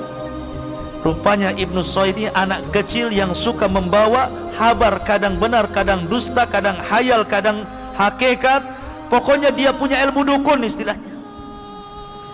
Kemudian Nabi mengetes dia. Ya ibn Sayyad. Inni khaba'tu laka khib'an. Hei Ibnu Sayyad, ini masih kecil Ibnu Sayyad ini. Belum balik. Diajak dialog oleh Nabi SAW, kayak betul aja. Hei Ibnu Sayyad. Di dada saya kata Rasulullah saya menyembunyikan beberapa kalimat Ketika itu Rasul menyebut, menyebutkan tentang surah Ad-Dukhan fartaqib yauma ta'tis sama bidukhanin mubin. Kata Ibnu Sayyid, duh duh duh dia tidak bisa menyebut dukhan. Maka Rasul mengatakan ikhsha falan ta'dua qadra. Celaka engkau, engkau tidak bisa melewati takdir. Ada yang mengatakan bahwa karena Ibnu Sayyid ini masih kecil, kemudian pelat ngomongnya dia tidak bisa menyebut Tuhan namanya masih kecil tapi ada juga yang mengatakan memang dia tidak bisa menyebut Tuhan karena tidak mungkin dicampur adukanlah wahyu Allah dengan perkataan tukang seher. Dia tidak bisa menyebut Tuhan tapi dari situ ada sahabat yang bersumpah ini Ibnu Sayyid ini nampaknya dajjal kok dia bisa menerka apa yang di hati Rasulullah? Maka Umar bersumpah dia dajjal Abu Sa'id Al-Khudri bersumpah dia dajjal Abdullah bin Umar bersumpah dia dajjal Hafsah bersumpah dengan dia dajjal. Tapi Rasul tidak ikut-ikut bersumpah. Kenapa? Karena belum turun wahyu yang menjelaskan secara detail Ibnu Sayyad ini dajjal atau bukan dajjal. Masih nunggu wahyu. Sampai akhirnya Rasul punya siasat dengan Abu Bakar dan Umar ingin mendatangi Ibnu Sayyad secara tiba-tiba. Biar tahu Ibnu Said dajjal atau bukan dajjal. Akhirnya datang secara tiba-tiba. Eh rupanya ada ibunya. Tahu pula tuh Rasul SAW mendekati Ibnu Sayyid kata ibunya ya Sab ataka Muhammadun? Hei Sab hati-hati tuh ada Muhammad datang kepadamu. Ketika Sab melirik ternyata ada Rasulullah lari dia bersembunyi di belakang punggung ibunya. Kata Nabi SAW lau tarakat ummuhu lau tarakathu ummuhu latabayyana amruhu. Kalau seandainya ibunya meninggalkan Ibnu Sayyad ini tentu makin jelas apakah dia dajjal atau bukan dajjal tapi pendapat yang kuat dia bukan dajjal yang akan keluar di akhir zaman. Iya dia dajjal tapi dajjal-dajjal kecil. Dia seorang penyihir dia seorang dukun. Tapi dia bukan dajjal yang akan keluar di akhir zaman. Dalil yang paling kuat bahwa dia adalah bukan Dajjal karena Ibnu Sayyad itu tinggal di kota Madinah. Sementara Dajjal tidak mungkin masuk Madinah. Ibnu Sayyad masuk Islam sementara Dajjal kafir tertulis kafaroh Dajjal tidak mungkin haji sementara dia haji. Dajjal tidak punya anak Akim layulat dia banyak anaknya. Yang jadi masalah Dajjal itu yang paling kuat dalilnya adalah tidak bisa masuk kota Madinah dan kota Mekah. Dan dia tinggal di Madinah dan haji ke Mekah. Tapi ada masalah lain. Ada hadis Nabi sallallahu alaihi wasallam bahwa Nabi wasallam pernah bermimpi. Dalam hadis yang sahih itu Rasul bermimpi. Mimpinya Rasul itu sedang tawaf. Rasul sedang tawaf. Rupanya di tengah-tengah tawaf dia melihat seorang laki-laki yang sedang memegang bahu sebelah kanan dan kiri, kemudian rambutnya basah. Kemudian orangnya cakep, ganteng. Kemudian Rasul bertanya, "Siapa orang itu?" Maka orang-orang menyebutnya dialah Al-Masih Ibnu Maryam. Tiba-tiba Nabi SAW melihat yang lain pula di belakangnya. Sama sedang menggandeng orang, tangannya sedang yang satunya ke apa orang sebelah sini, yang satunya orangnya ke sebelah sini. Orangnya keriting, matanya buta, buta sebelah. Kemudian kakinya bengkok, berjalan tidak lurus. Kata Rasulullah, siapa di belakang Ibnu Maryam itu? Maka kemudian orang-orang mengatakan dialah Dajjal. Bagaimana mungkin Rasul bermimpi Dajjal sedang ada di tengah-tengah Ka'bah di Masjidil Haram? Ya kan? Bukankah dia tidak akan masuk Madinah sementara mimpi para nabi itu hak tidak mungkin dusta? Ini yang jadi iskal. Maka dijawab oleh para ulama tentang hadis ini karena hadis ini sahih. Maka para ulama mengatakan dan menjawab tentang hadis ini bahwa tidak semua mimpi para nabi itu dibawa kepada hakikat dohirnya. Tidak semua mimpi para nabi dibawa kepada hakikat dohirnya. Buktinya, ketika dia bermimpi, Umar bin bermimpi bahwa dia pakai pakaian beberapa lapis kemudian sampai diseret bajunya, kemudian dia nanya kepada Rasul tentang mimpi tersebut maka Rasul menakwilkan itu soal agama. Kemudian Rasul SAW bermimpi bahwa dia mengeluarkan air dari tangannya. Kemudian para sahabat banyak yang minum. Kemudian sisa air itu oleh Rasul dibawa kepada Umar kemudian minumlah wahai Umar. Maka hadis ini ditakwilkan bahwa Umar itu memiliki ilmu yang lebih dibandingkan orang lain Pertama ditakwilkan agama, yang pertama ditakwilkan ilmu. Jadi terkadang mimpi itu tidak harus dibawa kepada hakikatnya walaupun itu mimpi Nabi. Karena akan bertentangan. Boleh jadi takwilnya maknanya bahwa Isa bin Maryam inilah yang kelak akan membunuh Dajjal. Karena sama-sama Al-Masih kan? Al-Masih Isa bin Maryam, Al-Masih Dajjal. Kalau Al-Masih ibni Maryam, Al-Masih itu memiliki makna fa'ilun. Kalau al-masih dajjal memiliki makna al-maf'ulu. Itu perbedaannya kalau dalam bahasa Arab al-masih Isa al-masih memiliki makna al-fa'il dan al-masih dajjal memiliki makna al-maf'ul. Ma apa maknanya? Kalau al-masih Isa bin Maryam diartikan memiliki makna fa'il pelaku karena Isa itu kalau ada orang buta diusapnya sembuh tuh setiap dia mengusap orang buta sembuh. Dia yang mengusap atas izin Allah sembuh. Tetapi Dajjal itu Al-Masih memiliki makna Al-Maf'ul yang dihapus. Karena matanya dihapus oleh Allah Azza wa Jalla sehingga buta sebelah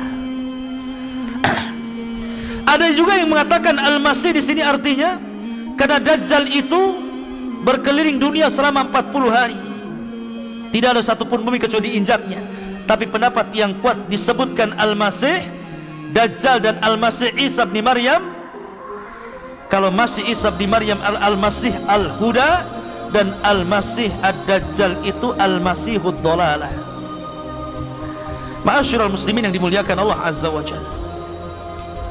Lalu Bagaimana caranya kita sebelum saya bercerita tentang masalah Isa bin Maryam Bagaimana cara membunuh Dajjal ada beberapa hal yang ingin saya sampaikan kepada antum terkait dengan bagaimana caranya kita ini terhindar dari fitnah dajjal. Pertama, tadi saya sudah sebutkan perbanyak menyebut dajjal di mimbar-mimbar. Jangan bosan hadir di kajian tentang akhir zaman. Ya, kajian akhir zaman. Seperti cerita tentang dajjal. Tapi tentu sesuai dengan hadis dan Al-Quran dan pemahaman para ulama yang sahih bukan dengan prediksi. Karena ini perkara gaib ya. Ya. Sibukkan dengan nggak apa-apa ngaji di akhir zaman. Banyak ustad-ustad kita yang lurus akidahnya menceritakan tentang akhir zaman. Pelajari tentang Dajjal pelajari tentang turunnya Isa pelajari tentang Ya'juj dan Majus gitu. Karena selama masih ada yang menyebutkan Dajjal di mimbar-mimbar maka Dajjal tidak mungkin keluar. Dan jangan bermimpi hidup ketika Dajjal muncul ikhwan. Jangan. Jangan bermimpi. Jangan bercita-cita. Ingin hidup ketika Dajjal keluar. Biar saya hidup dengan Imam Mahdi. Saya akan lawan Dajjal. Nanti ketemu Dajjal kelepek-kelepek anda eh jadi pengikutnya. Paling depan lagi. Ya kan? yang kedua perbanyak istiadah Makanya Imam Ibn Hazm rahimahullah ta'ala dalam kitabnya Al-Muhalla sampai mengatakan termasuk rukun daripada rukun-rukun solat membaca empat perlindungan sebelum salam. Berlindung dari fitnah jahannam berlindung dari fitnah kubur berlindung dari fitnah buruknya kehidupan dan kematian berlindung dari fitnah dajjal. Kata Imam Ibn Hazm membaca empat perlindungan ini rukun dari rukun-rukun solat. Kalau tidak dibaca tidak sah solatnya. Tapi ini pendapat dohiri pendapat Ibnu Hazm pendapat yang benar tidak sampai rukun hanya sunnah saja. Ya kan? Mustahab. Kalaupun tidak dibaca sah solatnya. Tapi menunjukkan bahwa sampai al-zahiri yang dalam hal ini Al-Imam Ibnu Hazm sampai mengatakan saking pentingnya berlindung dengan Dajjal sampai berpendapat rukun dibaca sebelum salam. Kalau tidak tidak sah solatnya. Sampai seperti itu. Saking bahayanya Dajjal itu. Maka jangan pernah lewatkan. Walaupun pendapat yang benar tidak rukun. Kemudian yang ketiga membaca permulaan 10 ayat surah Al-Kahfi atau membaca 10 ayat akhir surah Al-Kahfi kalau bisa dua-duanya baca 10 awal, baca 10 akhir, lebih bagus lagi baca semua. Baca semua. Karena sering tadi saya sudah katakan, kenapa surat ini sangat luar biasa untuk membentengi Anda untuk menghadapi fitnah Dajjal karena Dajjal membawa empat fitnah fitnah agama, fitnah harta, fitnah kekuasaan, fitnah dengan ilmu dan dalam ayat surah Al-Kahfi ada cerita tentang empat fitnah itu. Cerita Ashabul Kahfi cerita Zulkarnain cerita Musa dengan Khadir dan cerita tentang Ashabul Jannatain cerita Ashabul Kahfi fitnah agama. Cerita Zulkarnain fitnah kekuasaan. Cerita Ashabul Jannatain ini cerita harta fitnah harta dan fitnah ilmu ketika cerita Musa dengan Khadir. Dan empat-empatnya ada pada Dajjal maka kalau hari Jumat baca surah Al-Kahfi. Kemudian perkuat iman dan ilmu. Sering hadir di majelis ilmu. Sering datang di kajian. Bukan hanya bab dajjal saja kalau bab dajjal muncul antum eh gilan bab yang lain ah malas. Kenapa malas? Bukan bab dajjal katanya. Ya. kok semangat? Iya karena temanya bagus. Tema akhir zaman. Kalau tema awal waktu kayaknya enggak ini akhir zaman. Menarik katanya. Kalau nggak menarik nggak mau datang. Seolah-olah iman itu kalau bicara tentang akhir zaman itu baru naik kan gitu. Tidak. Iman itu dibentuk dari pondasi. Belajar dari akidah dari dasar dulu. Jangan main loncat. Ya kan? Dajjal ini kan bagian daripada satu di antara bab-bab akidah. Lihatlah sarhu sunnah karya Imam Barbahari. Lihat usul sunnah karya Imam Ahmad. Lihat usul sunnah lil Humaidi usul sunnah miliknya Ibnu Zamanin. As sunnah li alalikai paling bab Dajjal itu bagian daripada satu fakra dari akidah ahli sunnah wal jamaah. Satu poin dari sekian banyak poin yang harus dipelajari dari akidah-akidah ahli sunnah wal jamaah. Bagaimana mungkin mempelajari satu poin anda akan kuat akidahnya. Sementara akidah ahli sunnah itu banyak makanya belajar. Ya. mulai dari kecil sampai besar. Ambil taksilnya. Ya. Masyarakat muslimin. Kemudian juga kalau memang antum bisa hidup di Mekah tinggal di Mekah. Kalau bisa hidup di Madinah tinggal di Madinah. Kalau bisa. Ya. Ustaz kalau di Serambinya gimana Ustaz apa selamat enggak kalau di Serambi ya tetap kenalah ya. Di mana Serambi Mekah itu? Di Aceh. Aceh masuk Dajjal ke Aceh. Ya. Karena baru serambinya ya.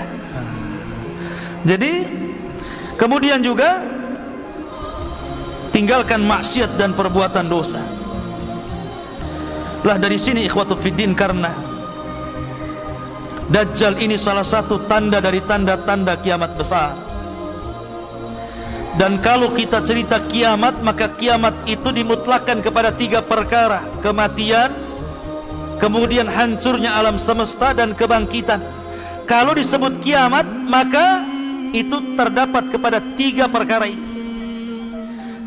Jangan hanya takut kepada kiamat yang kedua masih sibuk cerita tentang kiamat yang kedua. Sebentar lagi Imam Mahdi keluar. Sebentar lagi Dajjal akan keluar. Kita siap-siap. Dia lupa di sana ada kiamat. Sebelum kiamat itu namanya kiamat kematian. Karena kalau ditelakan kalimat kiamat ada tiga. Satu kiamat kematian setiap manusia. Idza mata ahadukum qamat kiamatuhu.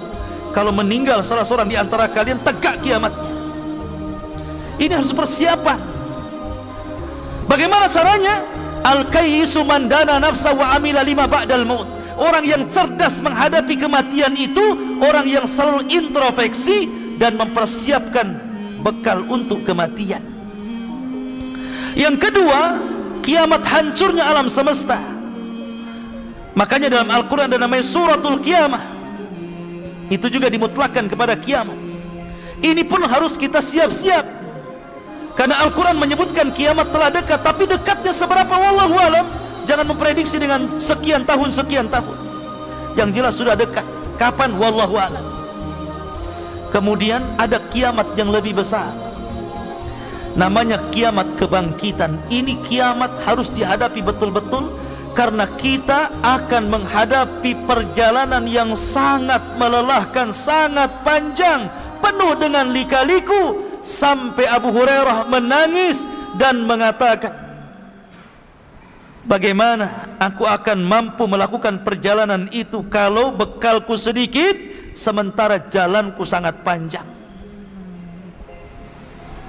Itu harusnya. Ya. Masyurul muslimin yang dimuliakan Allah Azza wa Jalla. Taib kembali ke awal. Bahwa setelah Dajjal merusak ke sana kemari dan pasukan Imam Mahdi tidak sanggup mencegah pasukan Dajjal.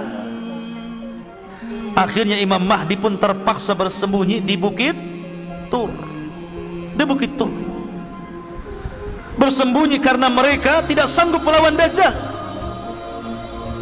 Karena Dajjal tidak bisa dilawan. Makanya Umar bin Khattab ketika hendak membunuh Ibnu Sayyad yang disangka Dajjal apa kata Rasulullah Ketika Umar mengatakan ya Rasul da, da'ni adrib unuka Rasul biarkan ku penggal tu lehernya si Ibnu Sayyid itu katanya. Kata Rasul jangan. In yakunhu fala tastati biqatli. Kalau memang dia betul-betul dajjal kau tidak akan bisa membunuhnya.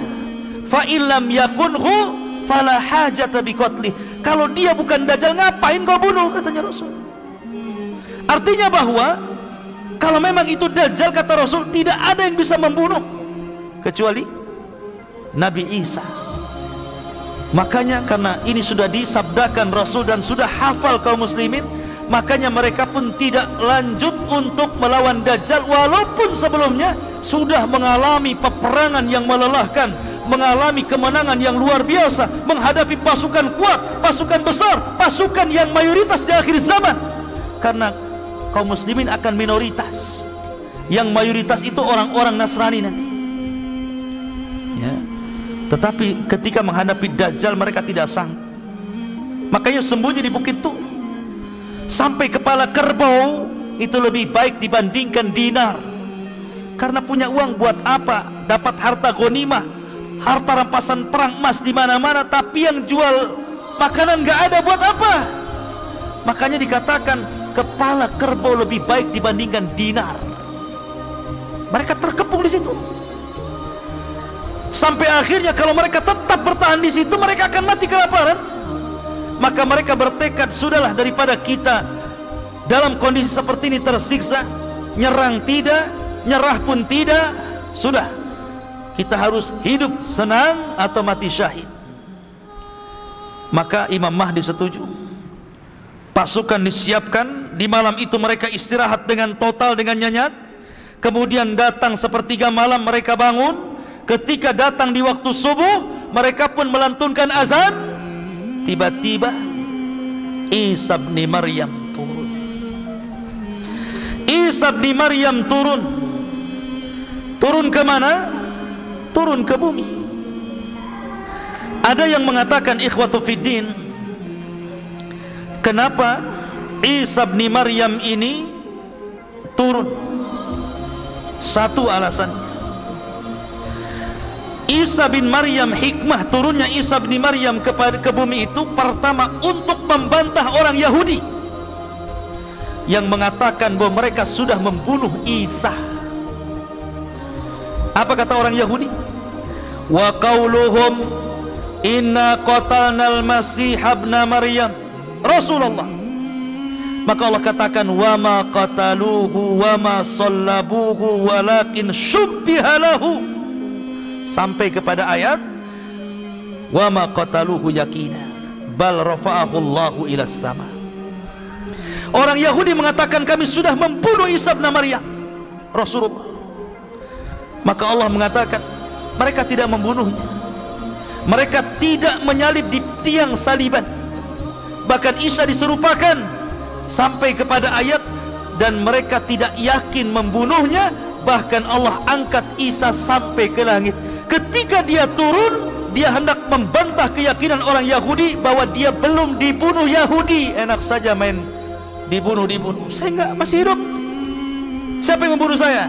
Enggak ada yang membunuh saya. Dengan turunnya Isa bin Maryam terbantahkan prasangka Yahudi.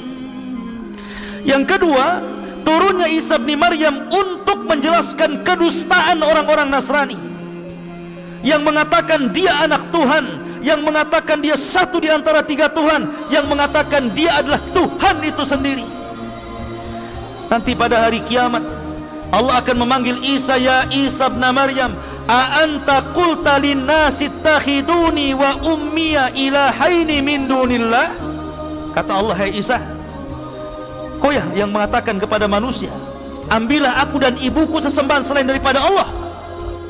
Kata Isa subhanak maha suci engkau ya Rabb in kuntu qultu faqad alimta. Kalau aku mengucapkannya kau sudah tahu.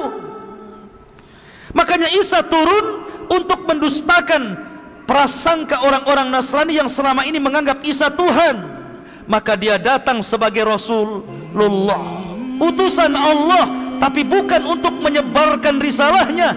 Dia punya tugas membunuh Dajjal membunuh babi mematahkan salib kemudian menegakkan hukum keadilan. Dan dia ikut untuk mendakwahkan syiar Islam mengajak orang Nasrani masuk ke dalam Islam. Itu tugasnya. Ya. Kemudian yang ketiga bahwa turunnya Isa bin Maryam itu karena sudah dekat ajalnya. Dia harus turun ke bumi dan akan di, dikuburkan di bumi karena sudah dekat ajalnya dia harus turun. Ada juga yang mengatakan itu hikmahnya. Ada juga yang mengatakan bahwa dia berdoa kepada Allah ketika dia dalam mimpinya melihat sifat Rasulullah dan umatnya maka dia kemudian minta ditangguhkan usianya kepada Allah dan Allah kabulkan sampai akhirnya dia pun dipanjangkan usianya sampai 500 tahun lebih akhirnya berjumpa dengan Rasul ketika Isra dan Mi'raj. Satu-satunya Nabi yang berjumpa secara ruh dan jasad adalah Nabi Isa di langit. Yang lainnya ruh semua karena sudah mati. Ya. Kemudian dia pun diper, di, dijumpakan dengan umatnya makanya turun dan langsung berjumpa dengan pasukan Al-Mahdi. Ketika itu sudah azan siap komat tiba-tiba dari langit Isa turun diapit dengan dua malaikat. Rambutnya basah.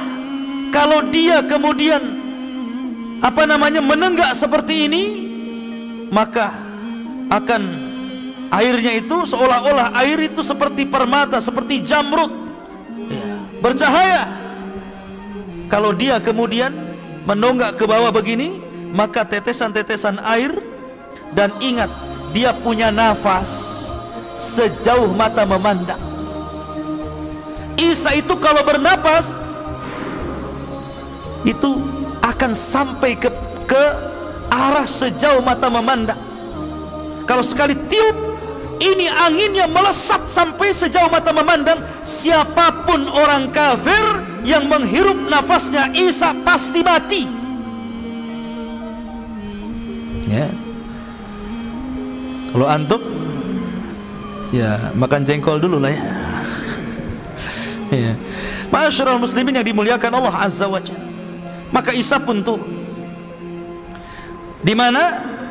Di manar di sebuah menara yang berwarna putih di Damaskus sana sebelah timur Damaskus. Menaranya sudah ada. Sampai sekarang sudah ada menara itu. Seperti seperti yang diwahyukan Rasul sallallahu alaihi wasallam. Yang diwahyukan Allah kepada Rasul sallallahu alaihi wasallam yang disampaikan kepada kita. Menara itu ada hari ini.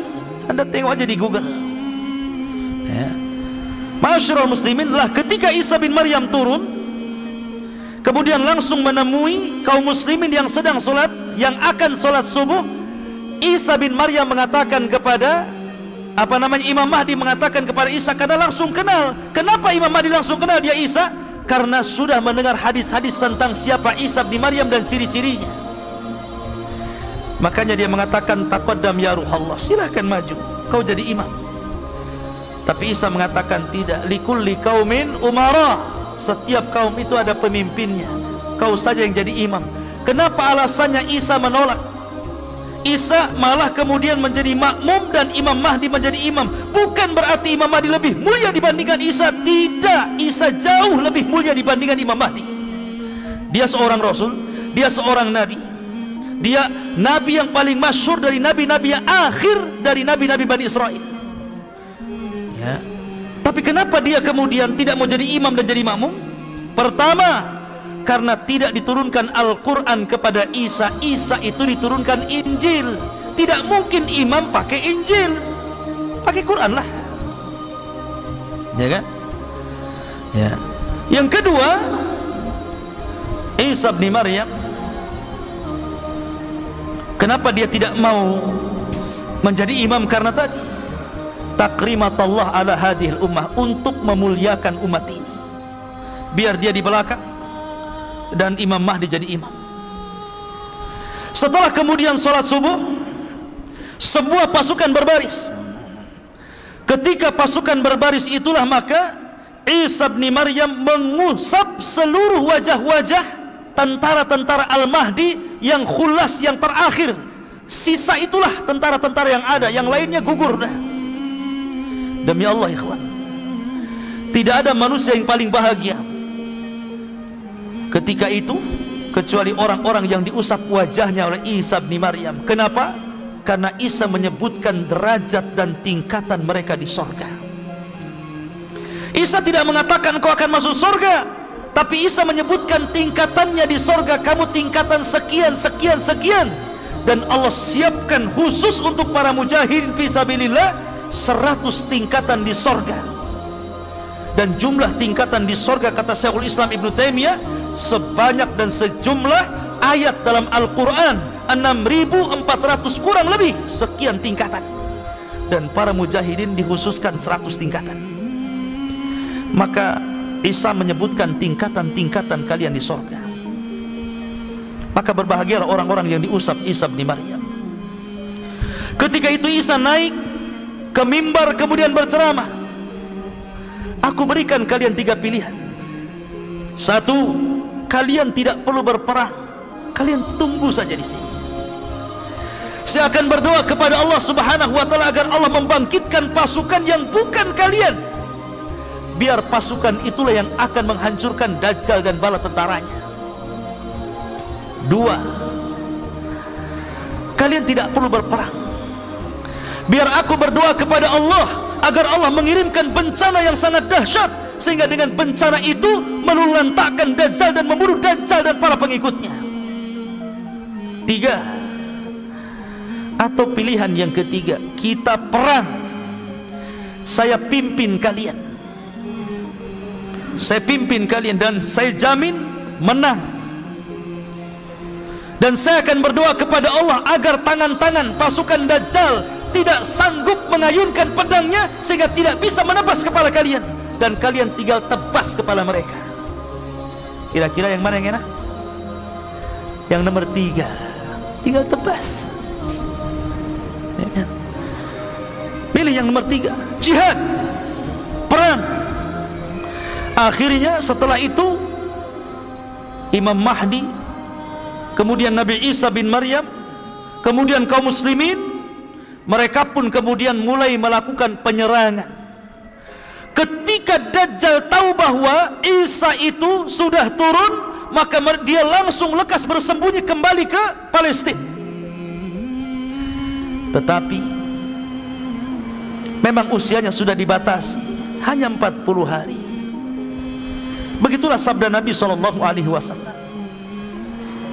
Maka akhirnya kemudian dia pun dikejar Isa bin Maryam ke timur, ke barat, ke selatan, ke utara sampai akhirnya tidak ada lagi tempat kecuali di Babil dia bersembunyi di Babil maka Isa bin Maryam memegang tonggatnya memegang tombaknya. Kemudian Dajjal melihat Isa seperti garam yang meleleh ter, tersiram air ketakutan. Maka kemudian Isa pun menghujam dengan tombaknya. Kemudian keluar darah untuk membuktikan dia bukan Tuhan akhirnya dia mati di atas. Tombaknya Isa bin Maryam dengan jeritan yang membuat orang-orang Yahudi dan pasukan Dajjal ketakutan. Dari situlah kaum muslimin akhirnya berhasil menyerang orang-orang Yahudi. Tentara-tentara Dajjal akhirnya mereka tunggang langgang lari. Ada yang sembunyi di batu ada yang sembunyi di pohon ada yang sembunyi di gua. Tapi Allah buat bicara seluruh makhluk yang ada di permukaan bumi sembunyi di batu batu ngomong hei muslim di belakang no kafir. Cepat bu sebelum lari. Tiba-tiba yang sembunyi di balik pohon kata pohon hei muslim ta'al ini lo di atas. Tengok tuh orang kafir di atas tuh. Panas saja. Pokoknya sembunyi di mana saja semua bisa bicara. Kecuali satu pohon kata Rasulullah. Pohon itu bisu, tidak mau bicara, malah ikut melindungi orang Yahudi namanya pohon gorkot. Yang konon katanya orang Israel sudah menanam pohon gorkot ini dan sudah tinggi, sayangnya tahun berapa? Saya lupa. Pernah kebakaran tuh hutannya. Karena dikirim layang-layang oleh orang Palestina yang taruh apa namanya? Taruh api. Jadi tidak pakai bom. Ngirim layang-layang kasih api. Layangnya terbang masuk hutan kebakaran. Sampai ke Kalimantan enggak, enggak ada kaitan. Israel sana Kalimantan sini. Ya. Masyarul muslimin yang dimuliakan Allah Azza wa Jalla. Artinya bahwa hal ini sudah diberitahu oleh Rasulullah. Berarti orang Islam tahu kalau seandainya orang Yahudi itu berada di pohon gorkot. Sehingga mereka bisa dimengejar karena sudah ada beritanya kan? Kalau seandainya tidak ada beritanya dia bersembunyi di pohon gorkot tentu kita susah untuk mencarinya. Tapi sudah ada wahyu dari Rasulullah SAW mereka bersembunyi di pohon gorkot tinggal cari saja di pohon gorkot kan? Akhirnya ketika itu banyak yang terbunuh dan tertawan. Yang tertawan ini cuma dua pilihan masuk Islam atau mati. Cuma dua. Islam mati. Kalau di zaman Rasul tiga. Masuk Islam atau bayar upeti tetap kamu kafir gak apa-apa. Tapi bayar upeti. Hatta yu'tul jizyata an yadi wahum saghirun. Tetap bayar upeti tapi kamu harus merendah kepada kaum muslimin.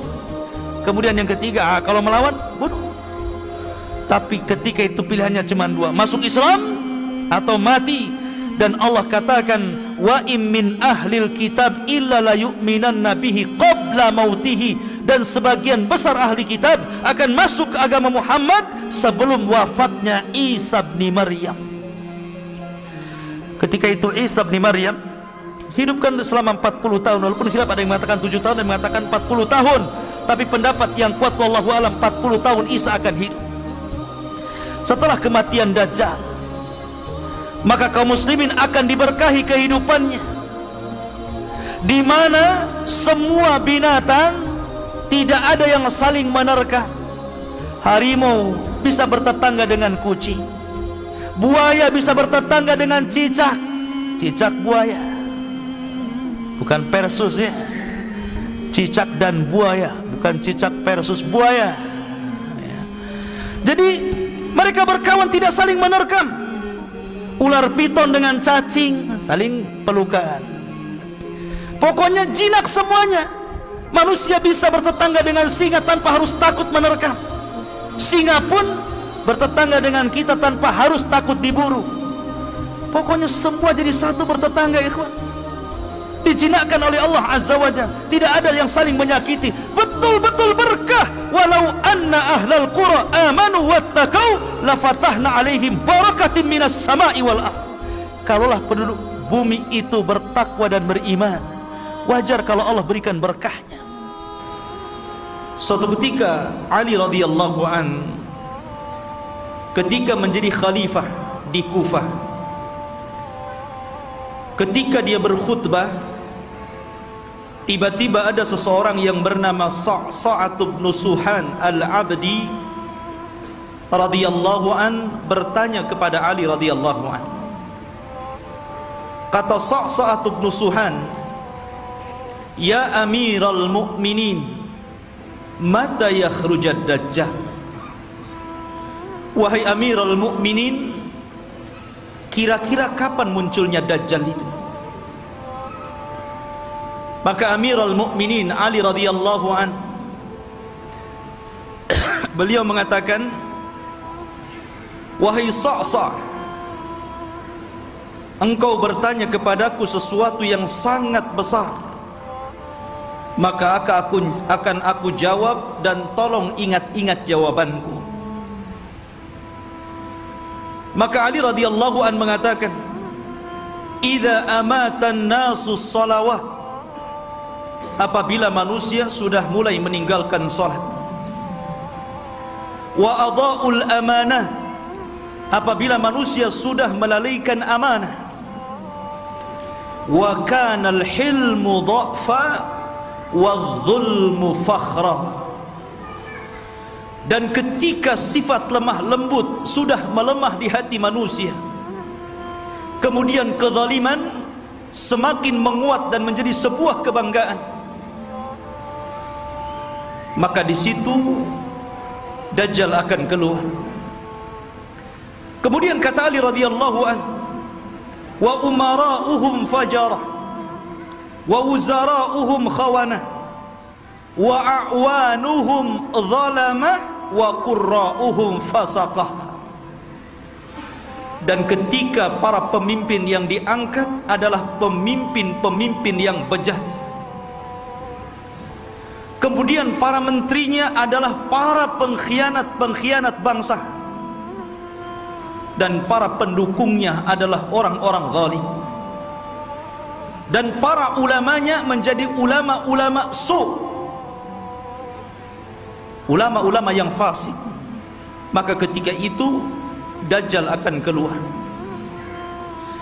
Kemudian Ali radhiyallahu melanjutkan wa dhahara al-jawru wa fasaz zina wa dhahara riba wa quti'atil arham.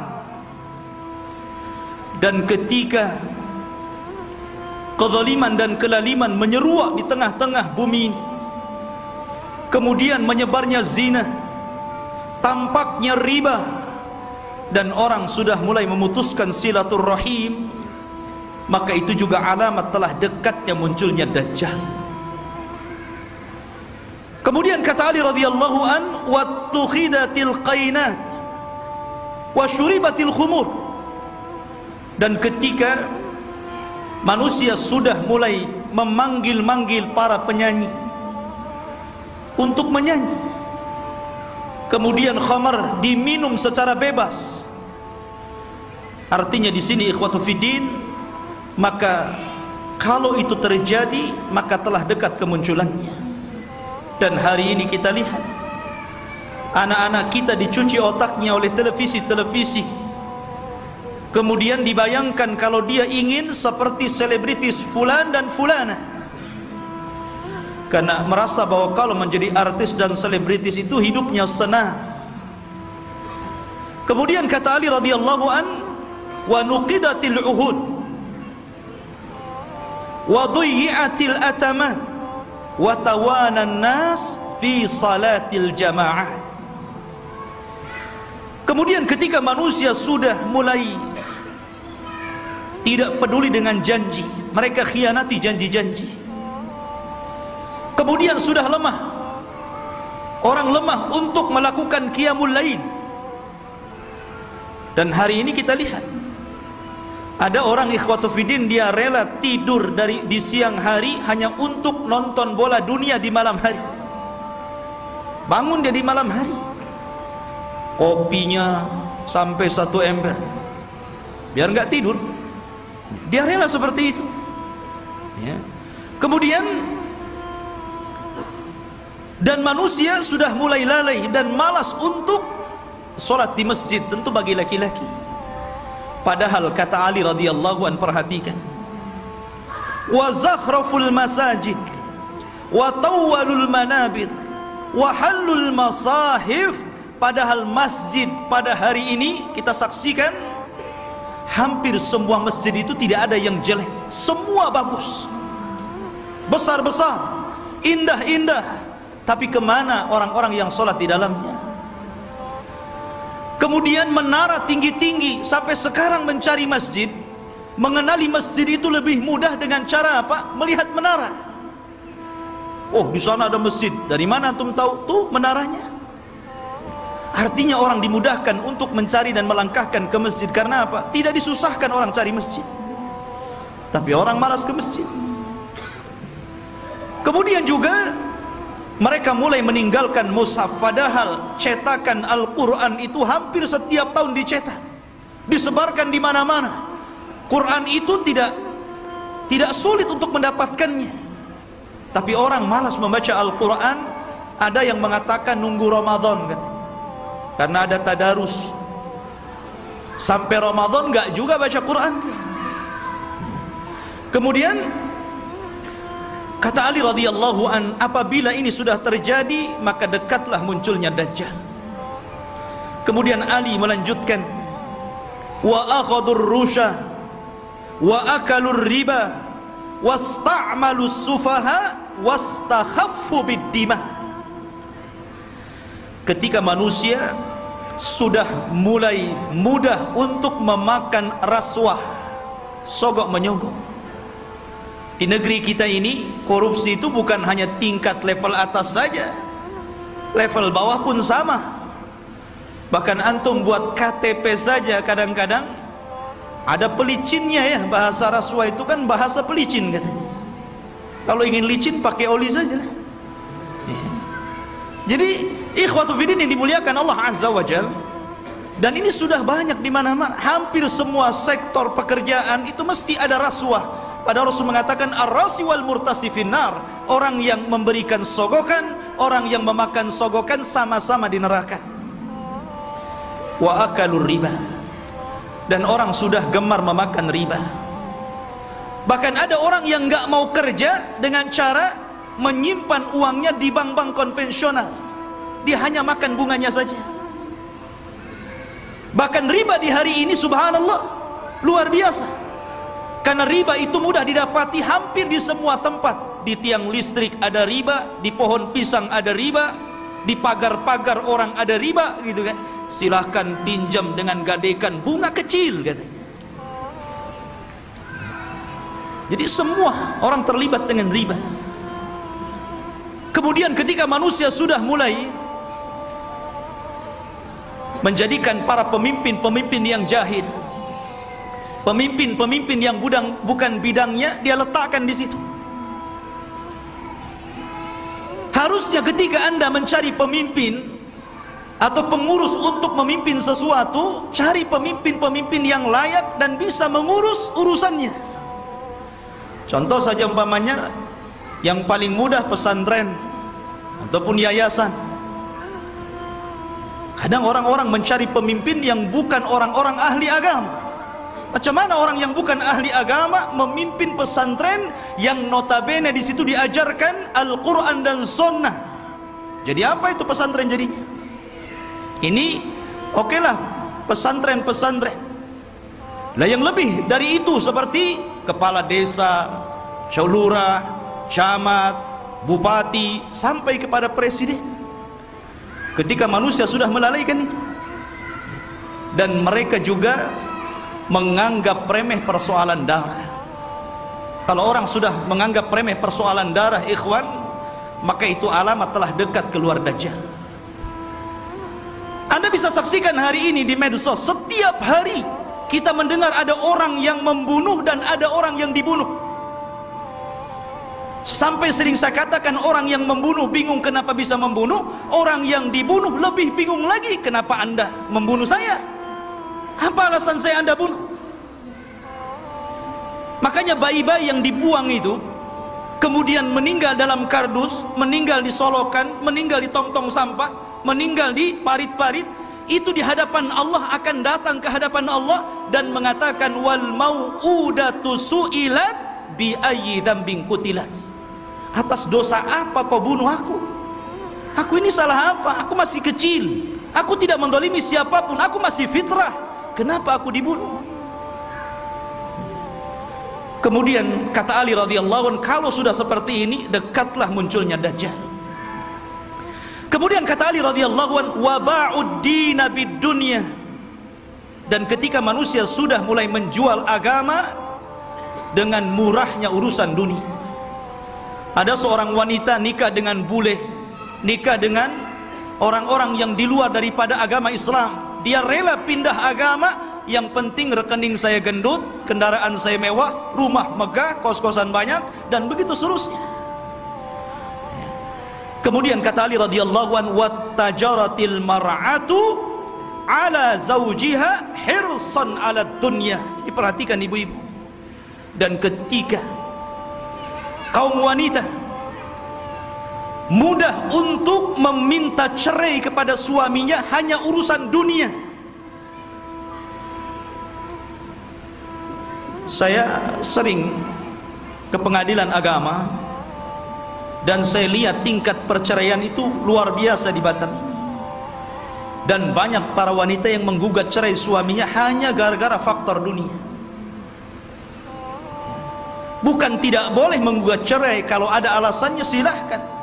Tapi kalau urusan dunia kemudian itu menjadikan seorang istri kurang ajar kepada suami dan meminta cerai begitu saja apalagi karena ada orang ketiga yang lebih hebat, lebih wah, lebih banyak hartanya ha, ini sudah lain urusannya. Kemudian kata Ali radhiyallahu an wa raqibatin nisa 'alal mayasir Nabi sallallahu alaihi wasallam radhiyallahu an meramalkan seperti ini tentu beliau mendapatkan informasi dari Nabi. Dan apabila wanita sudah mulai membawa kendaraan sendiri di zaman Rasul kendaraan pakai kuda, pakai unta jarang perempuan naik unta kan? Paling dibonceng. Makanya di sini Ali tidak mengatakan dan manus dan para wanita menaiki al-ibil unta tetapi mengatakan al-mayasir. Ditujukan kepada kendaraan-kendaraan modern. Mobil, motor, Ya kalau mungkin jaraknya bukan jarak safar Hanya keliling-keliling di Batam Ke pasar. Ini terkadang jarak safar Jarak tempuh yang disunahkan Untuk mengkosor dan menjamak sholat pun Kita dapati ada perempuan berani loh Bawa mobil sendiri tuh. Sudah tidak ada mahram Nekat lagi. Maka ini juga alamat dekatnya munculnya Dajjal Kemudian kata Ali radhiyallahu wa tashabbahna bir wa tashabbahna nisa birrijal wa tashabbahar rijalu bin nisa. Ketika mulai perempuan meniru gaya laki-laki dan ketika laki-laki sudah memakai atribut-atribut perempuan maka ini pun telah dekat munculnya dajjal. Kita saksikan hari ini. Kalau laki-laki cari levis ke pasar habis tuh diborong perempuan. Kalau laki-laki cari celana jeans gitu kan habis nggak ada. Diborong sama mbak-mbak katanya. Akhirnya laki-laki terpaksa beli rok beli pakaian-pakaian perempuan. Artinya seperti ini kan anda bisa bayangkan tuh pakaian laki-laki tapi pakai jilbab gitu kan. Ketat pakai lepis pakai kaos tapi jilbaban pula dia. Ya. yang laki-lakinya parah lagi. Anting-anting itu untuk perempuan. Dia letakkan tutup botol aqua di sini di kupingnya. Antum tahu? Anak itu lihat ada orang pakai anting-anting laki-laki itu botol aqua di sini. Ya Allah Ini kan atribut perempuan Kenapa pula dipakai laki-laki Bahkan yang lebih parah Apa yang disebut dengan LGBT Itu sudah mulai melembaga loh di negeri kita ini Mulai melembaga Bahkan tahun ke belakang itu saya pernah mendengar informasi sampai mereka membuat fikih LGBT. Anda bisa saksikan tuh. Fikih LGBT, bagaimana cara wudhunya LGBT, bagaimana cara sholatnya LGBT, bagaimana cara puasa LGBT, dan minta pula kemudian diresmikan supaya majelis ulama itu memberikan mukaddimah. Ini kan sudah gila ini. Mereka nggak tahu nggak tahu bagaimana hukuman kaum Lut. Tidak ada hukuman yang lebih parah yang Allah kirimkan kepada mereka. Hati-hati. Di Batam aja banyak itu antum kalau keluar ke jalan-jalan hati-hati kalau ada yang manggil tuh bang bang. LGBT Masyurul muslimin rahimani wa rahimakumullah. Kemudian wa kana salamu bainahum 'alal ma'rifah. Ketika antum mengucapkan salam kepada orang yang antum kenal saja yang antum nggak kenal nggak antum ucapkan salam. Padahal jelas nih yang pepasan dengan kita ini pakai songkok pakai pakaian koko gitu kan rapi. Kita yakin dia muslim. Ya jalan biasa saja paling antum itu mengucapkan salam sama yang antum kenal saja kalau nampak ada janggutnya celananya cingkrang pakai gamis assalamualaikum Nah ini sudah tanda-tanda ini. Kemudian kata Ali radhiyallahu an wa syahida syahidun min ghairi an yustashhad wa halafa min ghairi an yustakhlaf. Ketika manusia sudah mulai berani menjadi saksi padahal dia bukan saksi, bersumpah padahal dia tidak diminta sumpah, anda bisa mendapatkan di pengadilan-pengadilan. Ada orang yang saksi itu dijual, dibeli. Kamu jadi saksi bayar sekian. Kamu bersumpah saya bayar sekian.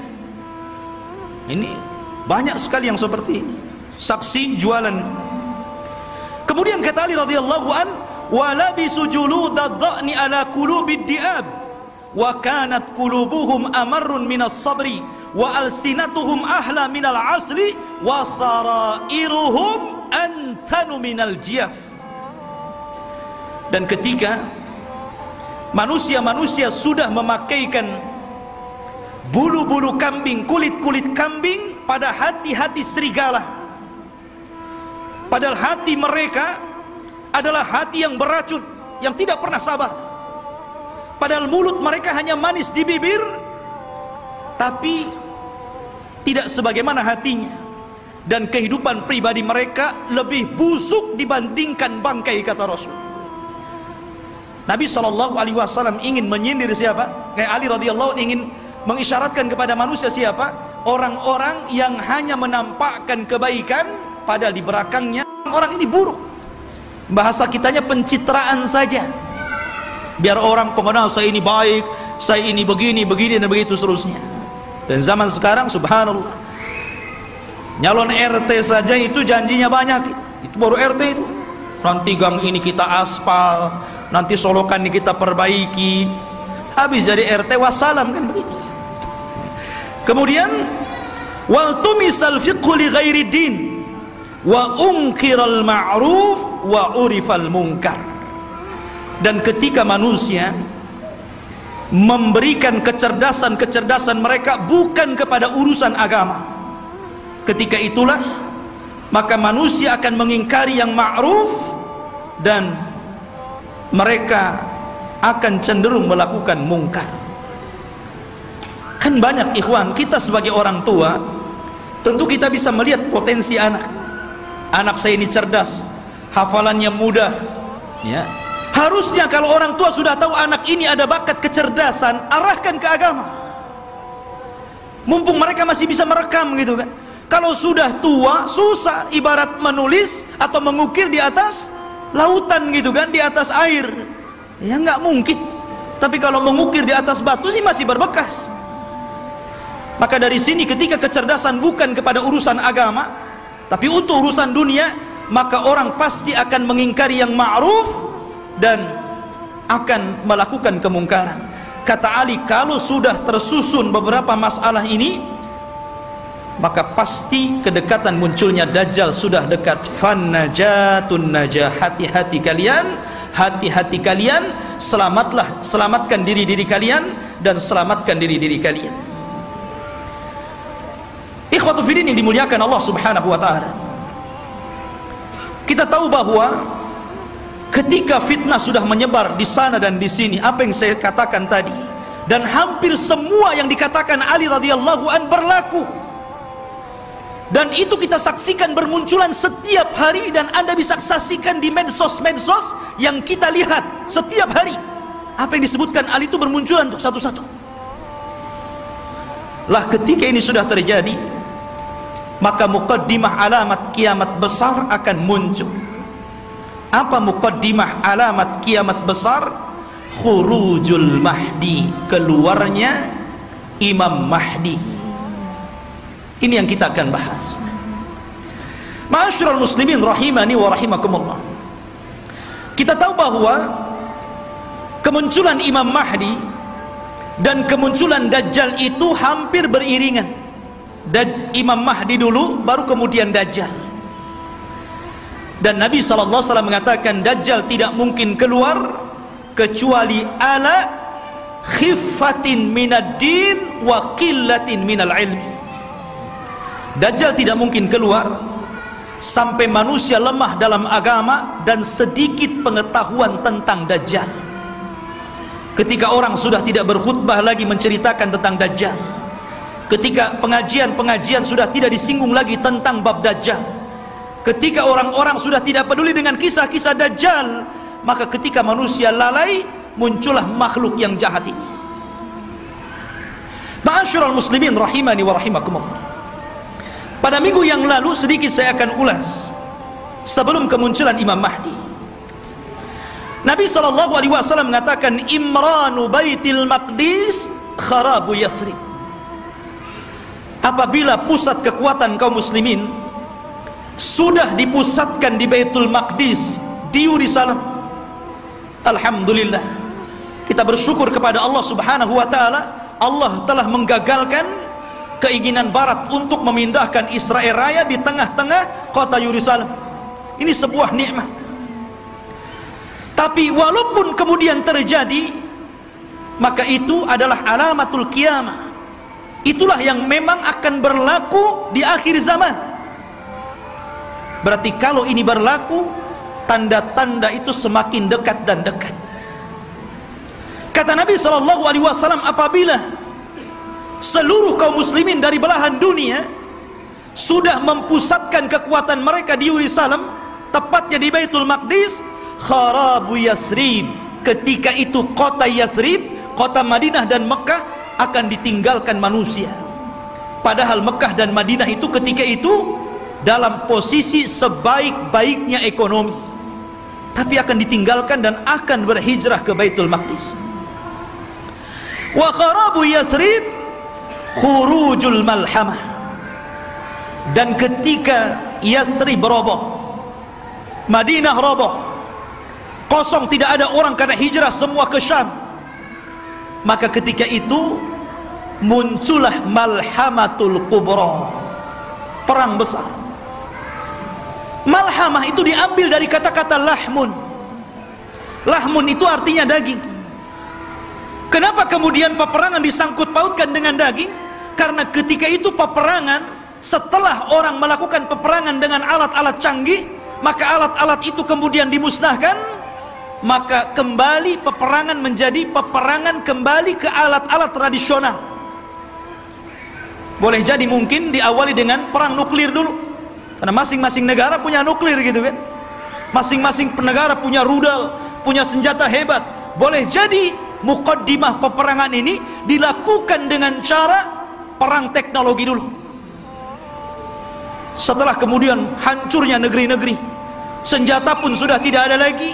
Hanya bangkai-bangkai besi-besi tua.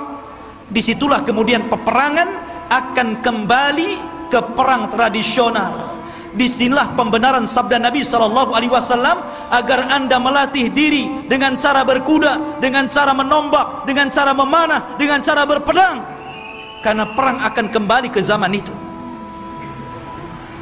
Masyurul muslimin. Kemudian wahurujul malhamah.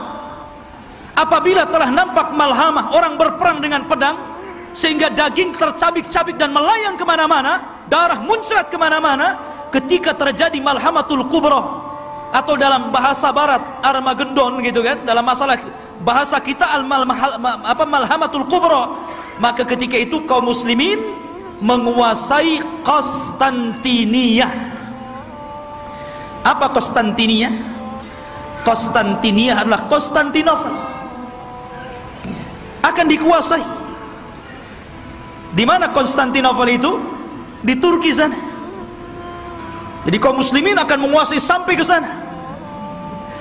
Wa fathul Konstantinia dan ketika Konstantinia dikuasai kaum muslimin, bangsa Rom sampai ke Italia, sampai ke ibu kota Italia. Kaum muslimin sampai ke sana, meng, apa bergerak sampai ke arah Eropa sana. Maka di situlah kata Nabi Shallallahu Alaihi Wasallam, wa fathul Konstantinia khurujud dajjal.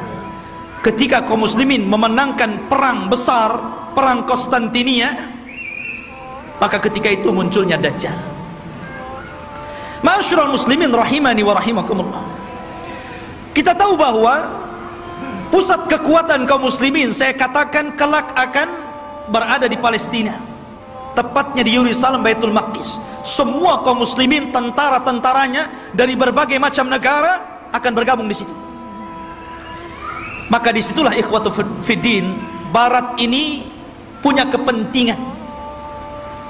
Mereka hendak menghancurkan bangsa-bangsa yang menurut mereka itu sangat kuat dan tidak bisa dikalahkan oleh sendiri. Maka akhirnya mereka melakukan perdamaian bersama kaum muslimin untuk sama-sama menyerang bangsa-bangsa yang menurut orang-orang Romawi itu sangat berbahaya bagi mereka dan juga kaum muslimin. Maka berdamailah ketika itu kaum muslimin dengan orang-orang barat. Dan hari ini juga berdamai ya kan? Kita tahu Liga Arab mereka ada hubungan dengan barat. Entah secara ekonomi, politik atau yang lainnya. Itu namanya perdamaian juga. Tapi di akhir zaman yang namanya perdamaian itu tentu setelah adanya peperangan. Kalau tidak ada peperangan mau damai apa? Perang dulu baru damai Makanya Nabi Shallallahu Alaihi Wasallam mengatakan, tastalihuna antum warum sulhan aminah.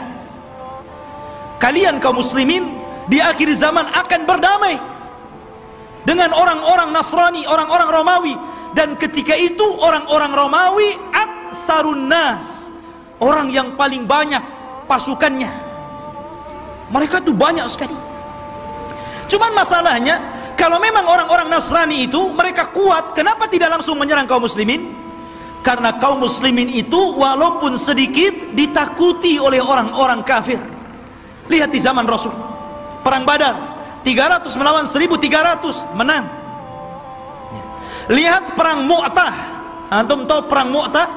Perang Mu'tah itu perang di mana kaum muslimin berhasil memerangi orang-orang Romawi Nabi menulis surat kepada Raja Romawi. Suratnya itu dirobek utusannya dibunuh. Marah orang-orang Romawi ini akhirnya menyiapkan pasukan bergerak untuk menyerang Nabi. Kata Nabi kalau mereka menyerang kita di Madinah maka akan banyak terbunuh laki-laki, perempuan, anak-anak, kakek-kakek. Ini tidak adil. Kita siapkan pasukan kemudian kita sambut mereka akhirnya Nabi SAW mempersiapkan pasukan kata kata Nabi wahai Zaid peganglah bendera. Kalau kau mati ganti dengan Ja'far. Kalau Ja'far mati ganti dengan Abdullah ibn Rawahah. Perangkat. Dan di antara pasukan ada Khalid ibn Walid tapi tidak dijadikan pemimpin karena baru masuk Islam. Berangkat mereka ke Mu'tah. Ya. ketika melihat jumlah mereka berlipat-lipat banyaknya dengan kaum muslimin wajar manusia. Zaid mengatakan apakah kita perlu pulang ke Madinah memberitahu Rasul? Atau bagaimana? Nggak imbang nih pasukan Romawi banyak sekali. Sementara pasukan kita sangat sedikit sekali. Tetapi karena mereka sudah kadang keluar membawa pasukan besar sementara pasukan Romawi lebih besar daripada itu akhirnya Allah takdirkan mereka pun melakukan peperangan. Subhanallah di awal peperangan Zaid meninggal dunia.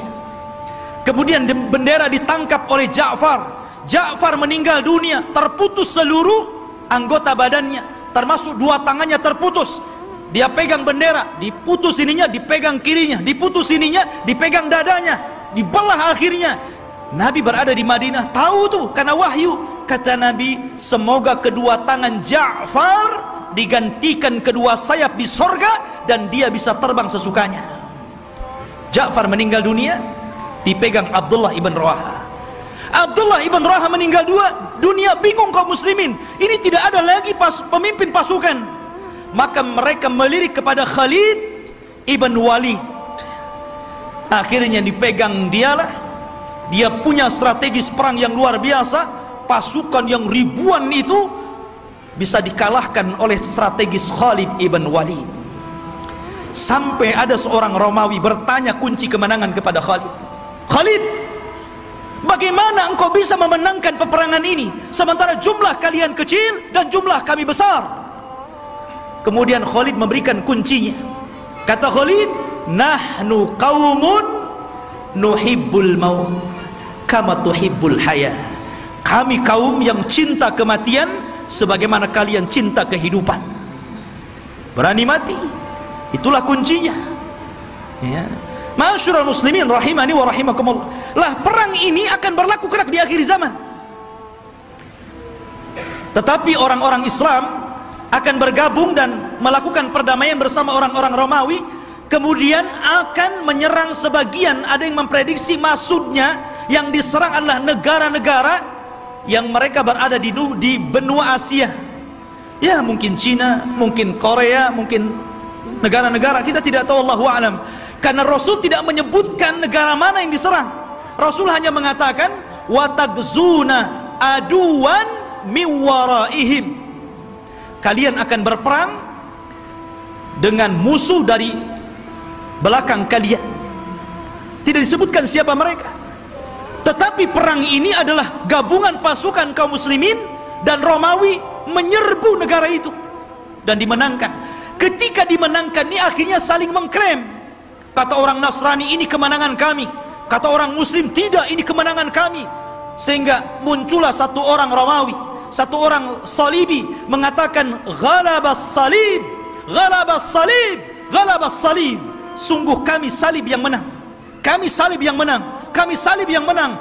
Datanglah seorang muslim mengatakan balillah ghalab. Bahkan Allah yang memenangkan perang ini. Akhirnya saling berdebat. Terjadilah perkelahian. Maka sang salib orang Nasrani dibunuh kaum muslimin. Dari sinilah orang-orang Romawi berkhianat. Berkhianat. Padahal mereka tertulis melakukan perjanjian itu 10 tahun. Ada yang mengatakan di tahun ketiga ada yang mengatakan di tahun kelima mereka berkhianat. Atas pengkhianatan inilah maka kemudian mereka hendak menyerang kaum muslimin menyiapkan pasukan besar. Dan kaum muslimin butuh pemimpin untuk melawan Romawi. Dari sinilah apa yang kita bahas malam ini. Khurujul mahdi. Muncul imam mahdi.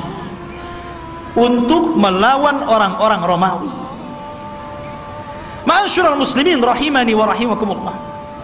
Kalau kita cerita Al-Mahdi al-Muntadhar, Imam Mahdi yang kita tunggu-tunggu kemunculannya. Nabi sallallahu alaihi wasallam menyebutkan sifat-sifatnya. Kenapa Nabi SAW menyebutkan sifat-sifatnya? Agar supaya tidak ada orang yang mengaku sebagai Imam Mahdi. Karena disebutkan sifat-sifatnya. Anda tidak bisa tahu-tahu saya Imam Mahdi. Kayak di Indonesia ini ada satu orang, satu waktu dia ngaku Imam Mahdi, satu waktu ngaku Nabi, satu waktu ngaku Nabi Isa. Oh hebat. Dan itu hanya ada di Indonesia. Ya. Siapa dia? Lia Aiden. Antum pernah kenal kasusnya Lia Aiden? Sampai di penjara. Rupanya anaknya juga ngaku Nabi. Ah. Lihat masyarakat muslimin. Dan itu hanya ada di Indonesia. Ya. Belum lagi di Jawa Barat. Ada orang namanya Cecep. Orang Jawa Barat kan Cecep tuh namanya. Aja Cecep. Ya. Ngaku Nabi juga. Nabi Cecep namanya. Nabi Cecep subhanallah. Ya. Kemudian belakangan ada namanya Ahmad Musaddiq sampai gempar. Banyak di negeri kita ini ngaku Nabi kalau di Batam saya belum dengar.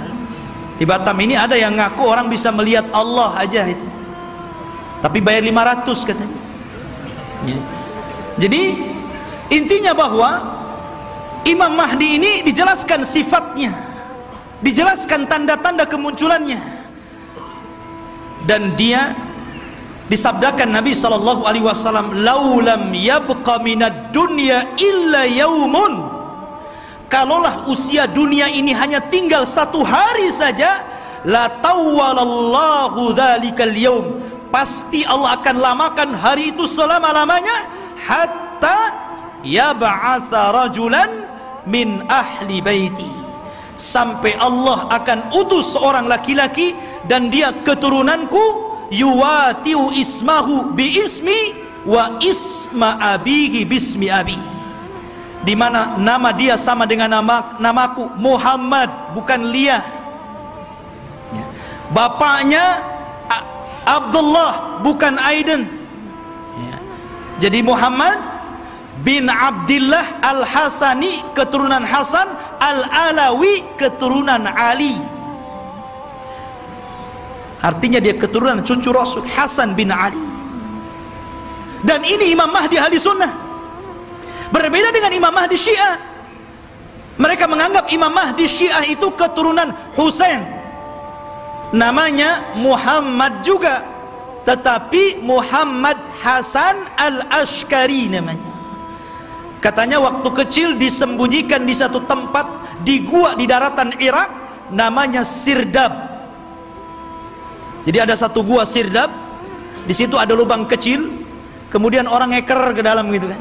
Dan mengetuk-ngetuk pintunya ukhruj ya Mahdi ukhruj ya Mahdi. Itulah orang Syiah. Setiap hari ada yang menggedor-gedor pintu. Keluar wahai Mahdi keluar wahai Mahdi. Yang enggak keluar enggak ada Mahdinya. Ya. Masyurul muslimin rahimani wa rahimakumullah. Maka Al-Mahdi itu keturunan Hasan. Maka yang disebutkan oleh banyak para ulama salah satunya Syekhul Islam Ibn Taimiyah kemudian juga muridnya Al-Imam Ibnu Qayyim rahimahullahu taala ketika menjelaskan tentang kenapa Imam Mahdi keturunan Hasan karena Allah memuliakan Hasan ketika dia menyerahkan kekuasaan kepada Muawiyah untuk menjaga darah kaum muslimin maka keturunannya Allah muliakan akan menjadi imam yang belum sempat dicicipi oleh nenek moyangnya Hasan bin Ali padahal Hasan bin Ali sudah jadi presiden di zaman itu. Tapi cuma enam bulan saja melihat ada gelakan gelagat pergerakan kaum muslimin pembela Ali akan perang lagi dengan Muawiyah dia tidak mau ada pertumpahan darah. Akhirnya dia ngalah dia yang menyerahkan kekuasaan kepada Muawiyah engkau saja yang jadi raja yang jadi rakyatnya. Akhirnya bersatulah kaum muslim karena kerendah dirian Hasan inilah maka Allah muliakan Hasan maka dari keturunan Hasan inilah lahir di akhir zaman Al-Mahdi Muhammad ibn Abdullah Al-Hasani Al-Alawi rahimahullahu taala. Kok rahimahullah taala belum muncul afwan. Ya. Hafizahullah taala. Taib. Qatufidin yang dimuliakan Allah Subhanahu wa taala. Beliau dilaqabi Al-Mahdi. Al-Mahdi artinya orang yang diberikan petunjuk. Dan dia Allah perbaiki dalam satu malam. Dia tidak tahu kalau dia akan jadi pemimpin. Dia seorang tolabul ilmi, ahli ibadah. Dia tidak tahu kalau dia akan diangkat. Tiba-tiba ketika dia dari Madinah ke Mekah untuk haji gitu kan. Orang-orang memandang bahwa dia itu ada kelainan. Orang ini luar biasa, punya wibawa. Taat beribadah sehingga orang-orang Allah lembutkan hatinya diarahkan agar memilih orang ini dan dibayatnya. Pada awalnya dia menolak. Dia menolak. Siapa saya? Saya bukan siapa-siapa. Kenapa anda memilih saya untuk menjadi pemimpin kalian? Tapi kemudian dia pun istikharah di malam hari itulah Allah perbaiki dia dalam satu malam. Allah berikan ilmu, kecerdasan, kepemimpinan. Subhanallah. Sehingga dalam satu malam kun fayakun. Idza arada syai'an an yaqula lahu kun fayakun. Kalau Allah menghendaki sesuatu, tinggal katakan kun fayakun. Jadi jadi dia. Ya. Kemudian pembayatan kepada Imam Mahdi inilah tersebar. Sampai akhirnya datang tentara dari Syam untuk membunuh Imam Mahdi yang ada di Mekah. Berangkat mereka pasukan itu. Ya. Tapi ketika mereka sampai di Baida antara Mekah dan Madinah, Allah kirimkan gempa yang sangat besar sehingga mewafatkan dan menghancurkan mereka. Kata Nabi sallallahu alaihi wasallam sebelum datang tanda-tanda kiamat akan muncul, maka akan terjadi tiga gempa. Gempa dari arah timur, gempa dari arah barat dan gempa di jazirah Arab. Inilah gempa di masa Imam Mahdi menghancurkan semua pasukan yang akan menyakiti Imam Mahdi sampai orang yang jalan pun ikut mati, orang yang mau dagang ikut mati. Sehingga Aisyah bertanya kepada Rasul, "Wahai Rasul, Bagaimana orang yang ikut mati yang tidak bersalah dan hendak membunuh Imam Mahdi itu? Kata Nabi alaihi wasallam, "Yub'atsu yaumal qiyamah ala niyatihim." Mereka akan dibangkitkan pada hari kiamat sesuai dengan niat mereka. Intinya ikhwatu fiddin, Imam Mahdi ini kemudian dibaiat di depan makam makam Ibrahim di depan Ka'bah. Kemudian berangkat dari Mekah ke Madinah dan diikuti oleh pasukan yang sangat besar kemudian mereka hijrah ke Syam bergabung dengan pasukan yang sudah siap tempur melawan orang-orang Romawi. Akhirnya ketika sampai di Syam mereka membaiat Imam Mahdi dan di situlah mulai peperangan besar. Perang besar malhamatul kubur. Masyurul muslimin rahimani wa rahimakumullah. Dan kita tahu bahwa Imam Mahdi ini berkuasa atau diberikan kekuasaan oleh Allah Subhanahu wa taala tidak lama. Antara 7 sampai 8 tahun saja, ada yang mengatakan sampai 9 tahun. Dan dalam kekuasaan kaum muslimin, Imam Mahdi itu betul-betul membawa perdamaian, keadilan, kesuburan, bahkan saking adilnya Imam Mahdi, Allah turunkan berkahnya dari langit karena dia telah berhukum dengan hukum Allah. Kata Allah, "Walau anna ahlal qura amanu wattaqau la fatahna alaihim barakatim minas sama wal ard kalaulah sebuah penduduk sebuah negeri beriman bertakwa maka Allah Subhanahu wa taala akan kirimkan berkah langit dan berkah bumi. Ini terjadi di kekuasaan Imam Mahdi.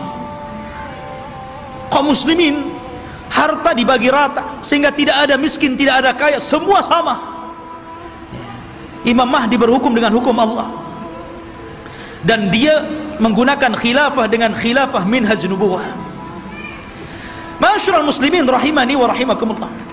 Lah ketika Imam Mahdi memimpin pasukan ini kemudian Imam Mahdi berhasil menyerang orang-orang Romawi sampai ke jantung kotanya ke mana? ke Itali. Romawi di mana? di Itali jadi bergerak dengan pasukannya sampai menyerbu orang-orang Romawi itu sampai ke jantung kotanya. Ke Italia sana. Ketika menang dalam peperangan para sahabat sudah merasa kaya dengan harta rampasan perang. Karena kalau perang itu ikhwan kalau musuh kalah kan semua jadi milik kaum muslimin. Tanah milik kaum muslimin rumah milik kaum muslimin kendaraan milik kaum muslimin kaya. Ya makanya tidak ada bisnis yang lebih menguntungkan kecuali perang kalau menang dapat segalanya kalau kalah ya matilah tuh Artinya di sini fillah yang dimuliakan Allah Azza wa Jalla. Maka ketika sudah sampai dimenangkan itu mereka berada di Eropa itu, berada di Italia.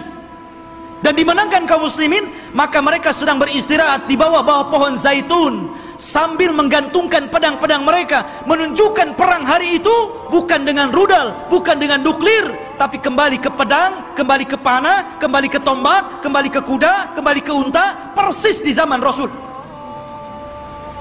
Di situlah syaitan datang.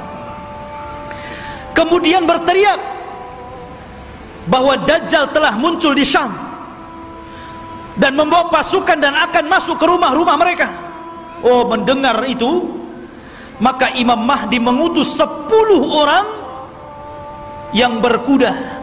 Kata Nabi SAW, aku kenal siapa nama-namanya.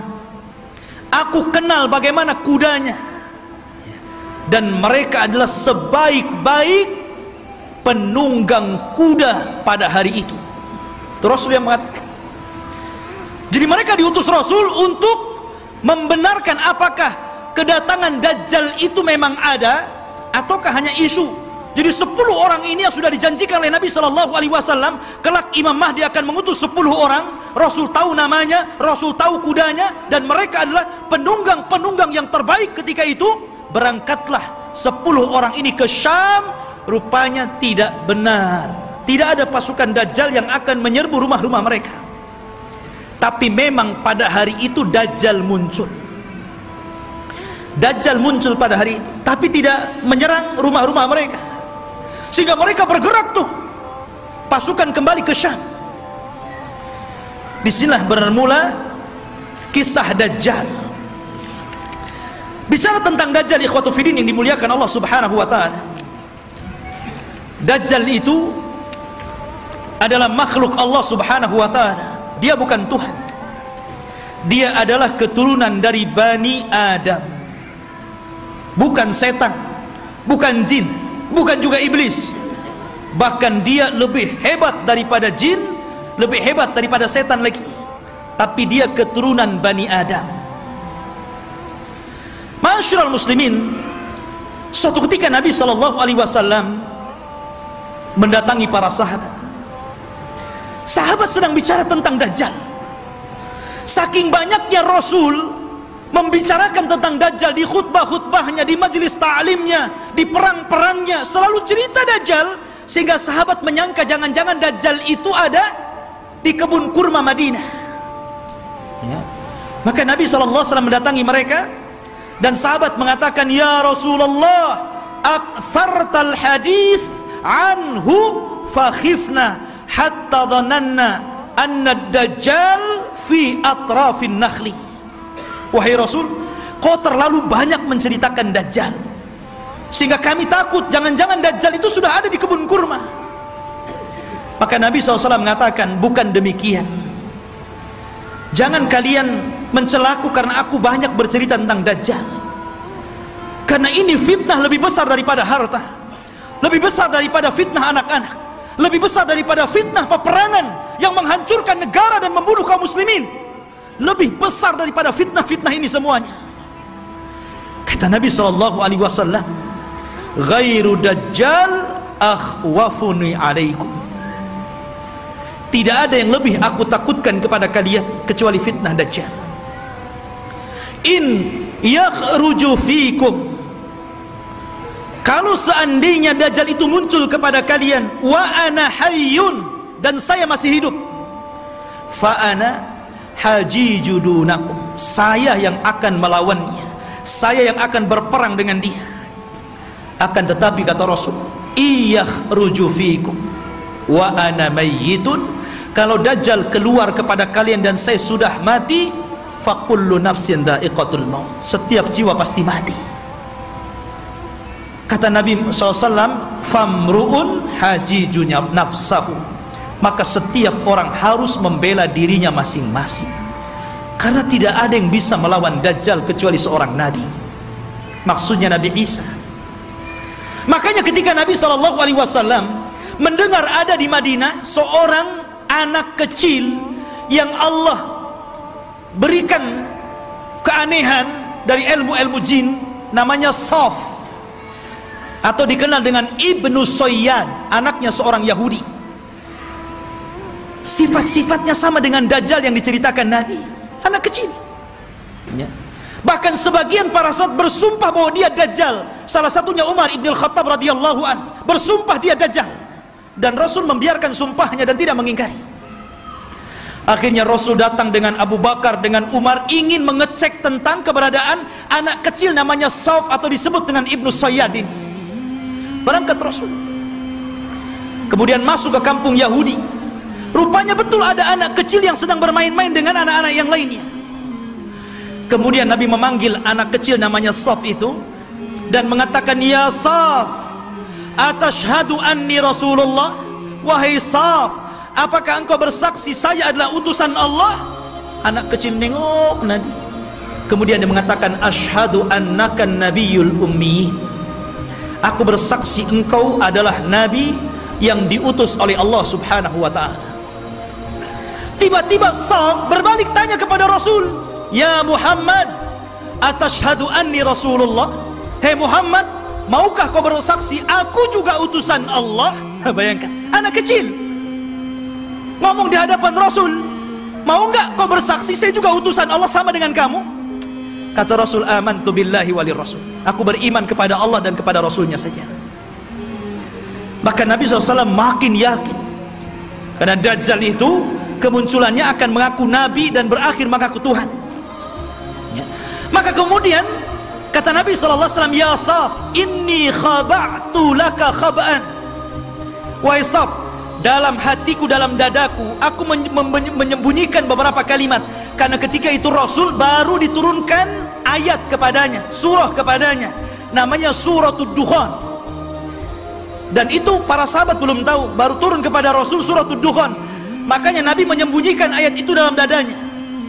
Kata Rasul wahai Saf wahai Ibnu Sayyad aku menyembunyikan beberapa kalimat di dadaku. Coba tebak apa? Kata si Saf ini memandang dada Rasul tiba-tiba dia mengatakan duh duh. Dia tidak bisa mengatakan duhon tapi sudah benar awalnya. Karena Rasul menyembunyikan kalimat duhon tapi dia tidak sempurna. Dia mengatakan duh duh duh. Maka Rasul langsung mengatakan ikhsha falan ta'dua wa qadrak. Celek engkau celaka engkau. Engkau tidak mungkin bisa meneruskan kalimat-kalimat yang ada di dada tapi dari Rasul Rasul makin bingung. Jangan-jangan ini betul-betul dajjal nih. Ya, dia tahu isi hati saya gitu. Anak kecil si Sof ini. Ya. akhirnya Rasul pulang kemudian pada waktu yang lain dia ajak lagi Umar dan Abu Bakar ingin mengecek lagi keberadaan si Sof ini setelah ketemu dan hendak kemudian diintai dan kembali ingin diuji tiba-tiba datang ibunya melihat ada Rasul wasallam dan ibunya kenal ya Saf ataka Muhammadun? Ya Saf ataka Muhammadun? Hei Saf Muhammad sudah datang di sampingmu. Maka Safun kemudian langsung pergi kemudian di belakang ibunya. Kata Nabi sallallahu alaihi wasallam lau tarakathu latabayyana amruhu. Kalau ibunya ketika itu tidak memanggil-manggil tentu aku sudah tahu siapa si Saf ini apakah dajjal atau bukan dajjal? Tetapi ikhwatu fiddin kenyataannya si Saf ini kemudian tumbuh besar dan mereka dia masuk Islam. Tapi dalam hati para sahabat masih ragu masalahnya jadi dia sudah tua masuk Islam sahabat masih ragu masih ketakutan dengan si Saf ini Ibnu Sayyid yang sudah besar dan masuk Islam. Jangan-jangan dia dajjal pura-pura masuk Islam. Jadi suatu ketika Abu Said Al-Khudri radhiyallahu an ketika Saf ini hendak berangkat haji dan para sahabat banyak yang sudah berangkat duluan rupanya Abu Said Al-Khudri ketinggalan dan Saf atau Ibnu Soyad yang sudah tua, sudah dewasa gitu kan. Ketika itu Abu Said Al-Khudri karena kecapean kemudian berada di bawah pohon untuk istirahat. Tiba-tiba si Saf ini baru datang mau haji juga gitu kan. Dan Abu Said Al-Khudri sangat ketakutan dengan Saf ini karena Rasul pernah mengatakan dan sebagian para sahabat bersumpah dia dajjal itu masalahnya. Tiba-tiba ikut pula di samping Abu Sa'id ikut duduk di situ. Gemetar Abu Sa'id. Ya. Tapi Saf mengatakan, "Ya Abu Sa'id, aku tahu engkau takut kepadaku. Tapi coba pikirkan wahai Abu Sa'id. Bukankah Dajjal itu tidak punya anak? Aku punya anak. Bukankah Dajjal tidak mungkin masuk Islam? Aku masuk Islam. Bukankah Dajjal itu tidak mungkin datang ke Mekah dan tidak juga menginjak Madinah? Aku bisa ke Mekah, aku bisa ke Madinah. Kenapa kau ragu? Aku ini sedih kenapa orang-orang menuduhku Dajjal. Ya. Dari situ Abu Said Al-Khudri agak tenang. Tetapi Abu Said Al-Khudri menjadi ketakutan di endingnya ketika Ibnu Sayyad atau Saf mengatakan tetapi ya Aba Sa'id aku tahu di mana letaknya Dajjal. Ketika dia ngomong begini langsung diambil barang-barangnya kabur dia. Ya. dia tahu di mana letaknya Dajjal? Ya. awalnya dia sudah merendah tuh. Tahu-tahu endingnya yang gak enak gitu kan? Tapi ya Aba Sa'id ana azri aina maudi ad-dajjal saya tahu di mana dajjal berada katanya. Masya Allah Makanya suatu ketika Abdullah bin Umar radhiyallahu an pernah membuat marah. Dipukulnya Ibnu Soyad sampai marah. Karena marah Ibnu Soyad Ibnu Umar ketakutan akhirnya lari ke rumah Hafsah. Dia melapor gitu kan ya Hafsah saya tadi pukul Sof Ibnu Soyad dia marah. Kata Sof kata apa namanya saudaranya Hafsah ini wahai Abdullah bin Umar kau sudah tahu bagaimana sabda Rasul tentang kemunculan Dajjal Dajjal tidak mungkin keluar kecuali karena kemarahan yang sangat besar. Hati-hati kamu. ya. Dari situ ikhwatu yang dimuliakan Allah Azza wa sehingga para ulama ini mengatakan saf ini dajjal atau bukan? Tetapi pendapat yang kuat boleh juga dia dajjal tapi dajjal min dajjajin. Dajjal dajjal yang lainnya. Karena Rasul mengatakan di akhir zaman akan muncul dajjaluna kadzabuna salasuna kulluhum yaddauna annahum nabi. Akan muncul zamannya di mana dajjal-dajjal para pendusta 30 orang akan mengaku dia nabi. Maka mungkin boleh jadi salah satunya adalah Ibnu Sayyad karena Ibnu Sayyad tidak dikisahkan meninggalnya tiba-tiba dia hilang begitu saja.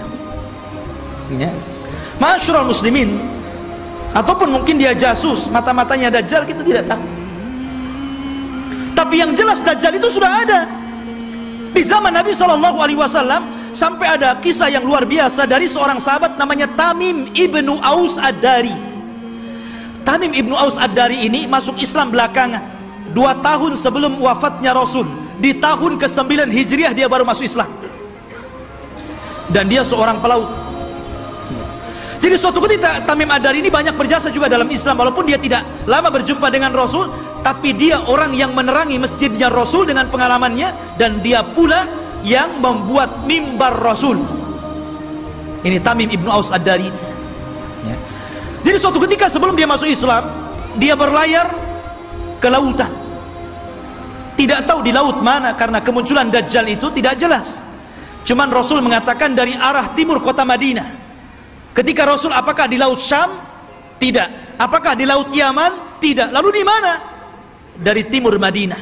Dari timur Madinah yang mungkin mengarah ke Irak ke, ke Iran begitu kan? Karena Dajjal juga akan muncul di situ. Jadi Tamim Ibnu Aus Ad-Dari ini berlayar. Tiba-tiba diombang ambingkan dengan 30 awaknya. Kemudian terdampar di satu tempat semuanya hutan belantara. Ada yang mengatakan di laut Yaman jadi ketika dia merasa ini saya sudah mati atau belum rupanya belum mati. Maka dengan pasukannya masuk ke dalam hutan. Di tengah hutan dia mendapatkan satu binatang subhanallah nggak tahu belakang nggak tahu depan. Karena buluan semuanya berbulu dari atas ke bawah. Dan itu makhluk yang pertama kali dijumpai oleh Tamim Adari gimana nggak takut? Nggak pernah melihat makhluk seperti itu. Maka dengan ketakutannya dia mengatakan siapa kamu ya kata Tamim Adari kaget loh ini binatang tak bisa ngomong. Ini mengatakan kami dari Arab. Terus sebaliknya siapa kamu? Ana jassasa. Jassasa itu artinya jasus mata-mata. Maksudnya mata-matanya ya. Maka kemudian siapa jassasa? Jassasa tidak mengatakan. Jassasa hanya mengatakan engkau sudah ditunggu orang. Dia sudah lama bertahun-tahun mencari kabar. Ternyata orang yang ditunggu sudah datang. Datanglah kau ke salah satu gubuk atau rumah besar yang ada di tengah hutan. Kau temui dia. Dia sudah lama menunggu kalian. Berangkatlah Tamim dan 30 awaknya ke tempat yang diisyaratkan makhluk tadi. Rupanya ada.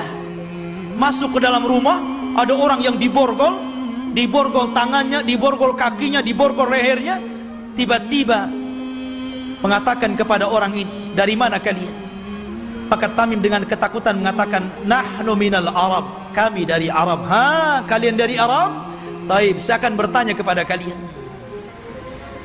Bagaimana kondisi kebun kurma Baisan? Kebun kurma Baisan ya, ma'ruf. Ya, kurmanya dulu sangat luar biasa. Kata Tamim dari subhanallah kebun kurma Baisan itu kebun kurma yang kualitasnya tinggi berbuah terus tidak pernah nggak berbuah saking suburnya. Maka Rasul mengatakan sebentar lagi tidak ada kurmanya. Kata para peneliti hampir sudah 100 tahun yang silam dari sekarang ini sudah tidak berbuah lagi. Kurma-kurma yang ada di Baisan itu. Kemudian kata orang ini mengatakan bagaimana kabar tentang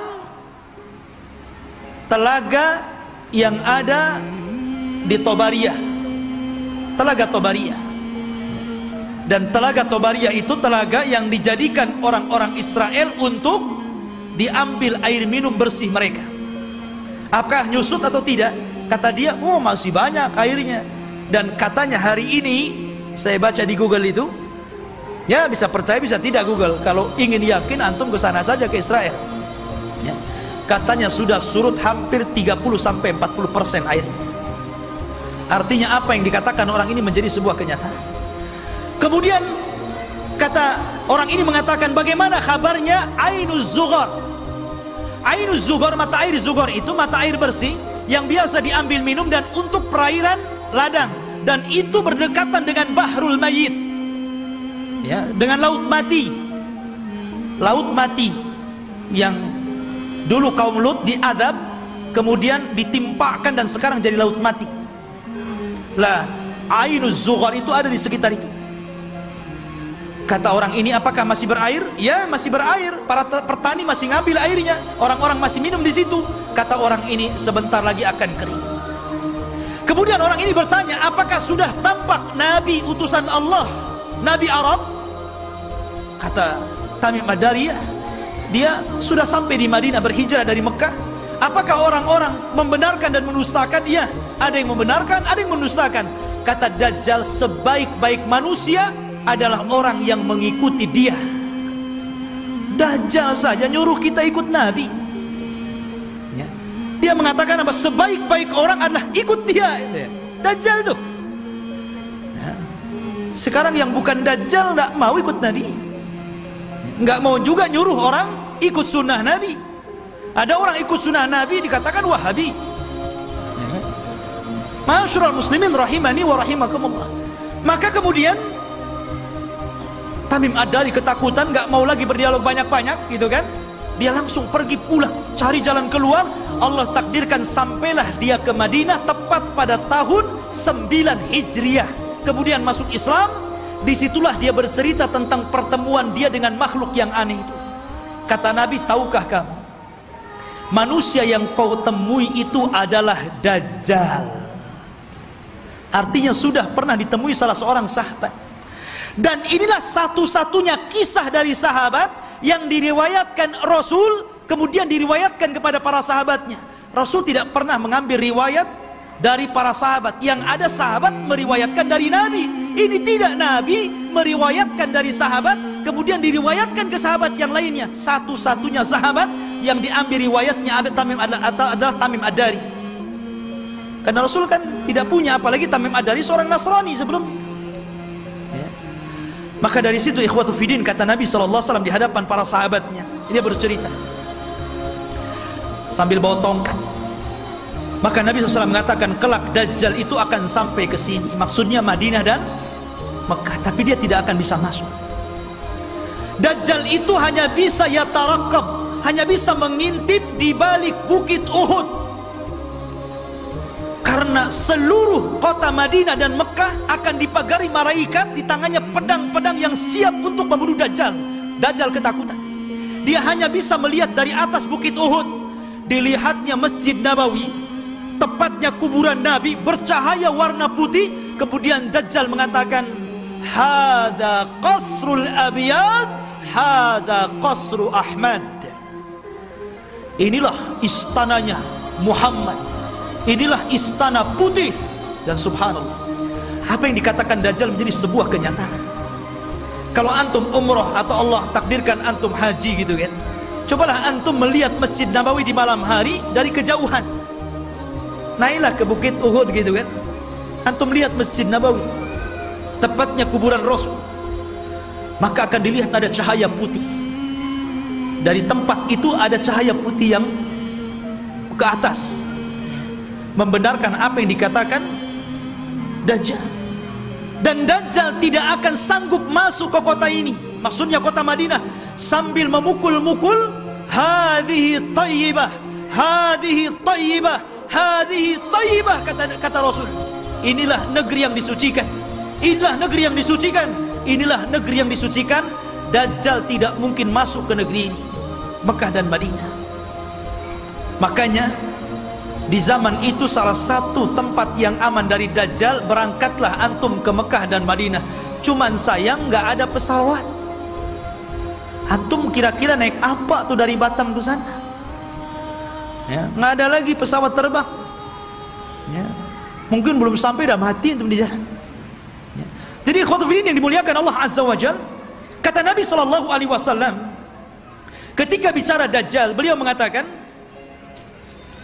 Sesungguhnya ayuhan nas Innaha lam takun fitnatun ala wajhil ardi mundu dhara Allahu dhurriyata Adam a'zam min fitnati dajjal. Wa inna Allah lam yab'ath nabiyan illa hadzara ummatahu dajjal wa ana akhirul anbiya wa antum akhirul umam wahai manusia tidak ada satupun fitnah yang lebih dahsyat ketika Allah menciptakan anak Adam dibandingkan fitnah Dajjal. Karena andailah seluruh dukun-dukun yang ada di dunia dikumpulkan kemudian melakukan kontes sihir maka sihir mereka jauh di bawah sihir Dajjal. Nggak ada dukun walaupun satu dunia melawan Dajjal nggak akan bisa dilawan. Sihirnya luar biasa. Ya, itu dukun tuh memang luar biasa sihirnya diberikan oleh Allah Azza wa Jal kekuatan sehingga orang mudah untuk percaya bahwa dia Tuhan kita itu masalahnya kalau tukang sihir itu kan ma'ruf di zaman Nabi Musa justru ketika Nabi Musa menampakkan mujizatnya semua tukang sihir beriman kepada Musa. Walaupun belakangan dibunuh semua oleh Fir'aun. Tapi mereka orang yang dimasukkan ke dalam sorga padahal tidak pernah sujud kepada Allah sedikit pun. Karena beriman kepada Musa. Ya. Lah kata Nabi Shallallahu Alaihi Wasallam sejak zaman Adam dilahirkan dan anak cucunya sampai hari ini tidak ada fitnah yang lebih besar daripada fitnah Dajjal. Dan tidak ada satupun Nabi yang Allah utus kecuali memperingatkan umatnya tentang kemunculan Dajjal. Nabi Shu'aib memperingatkan umatnya tentang kemunculan Dajjal. Nabi Saleh, Nabi Yakub, Nabi-Nabi yang lainnya, Nabi Ibrahim, Nabi Sulaiman, Nabi Daud, dan seluruh para nabi mereka mengingatkan tentang kemunculan Dajjal kalau seluruh para nabi dan rasul mengingatkan akan kemunculan Dajjal termasuk juga nabi kita Muhammad sallallahu alaihi wasallam maka cukuplah ini bukti bahwa fitnah Dajjal itu sangat dahsyat karena seluruh para nabi memperingatkannya. Ini antum harus paham. Ya. Masyurul muslimin sedikit kita mengenal ciri-ciri Dajjal. Dajjal itu keriting rambutnya. Bukan berarti yang keriting dia Dajjal Jadi dia memiliki rambut keriting yang dipintal. Makanya Dajjal itu kusut kusut sekali mukanya.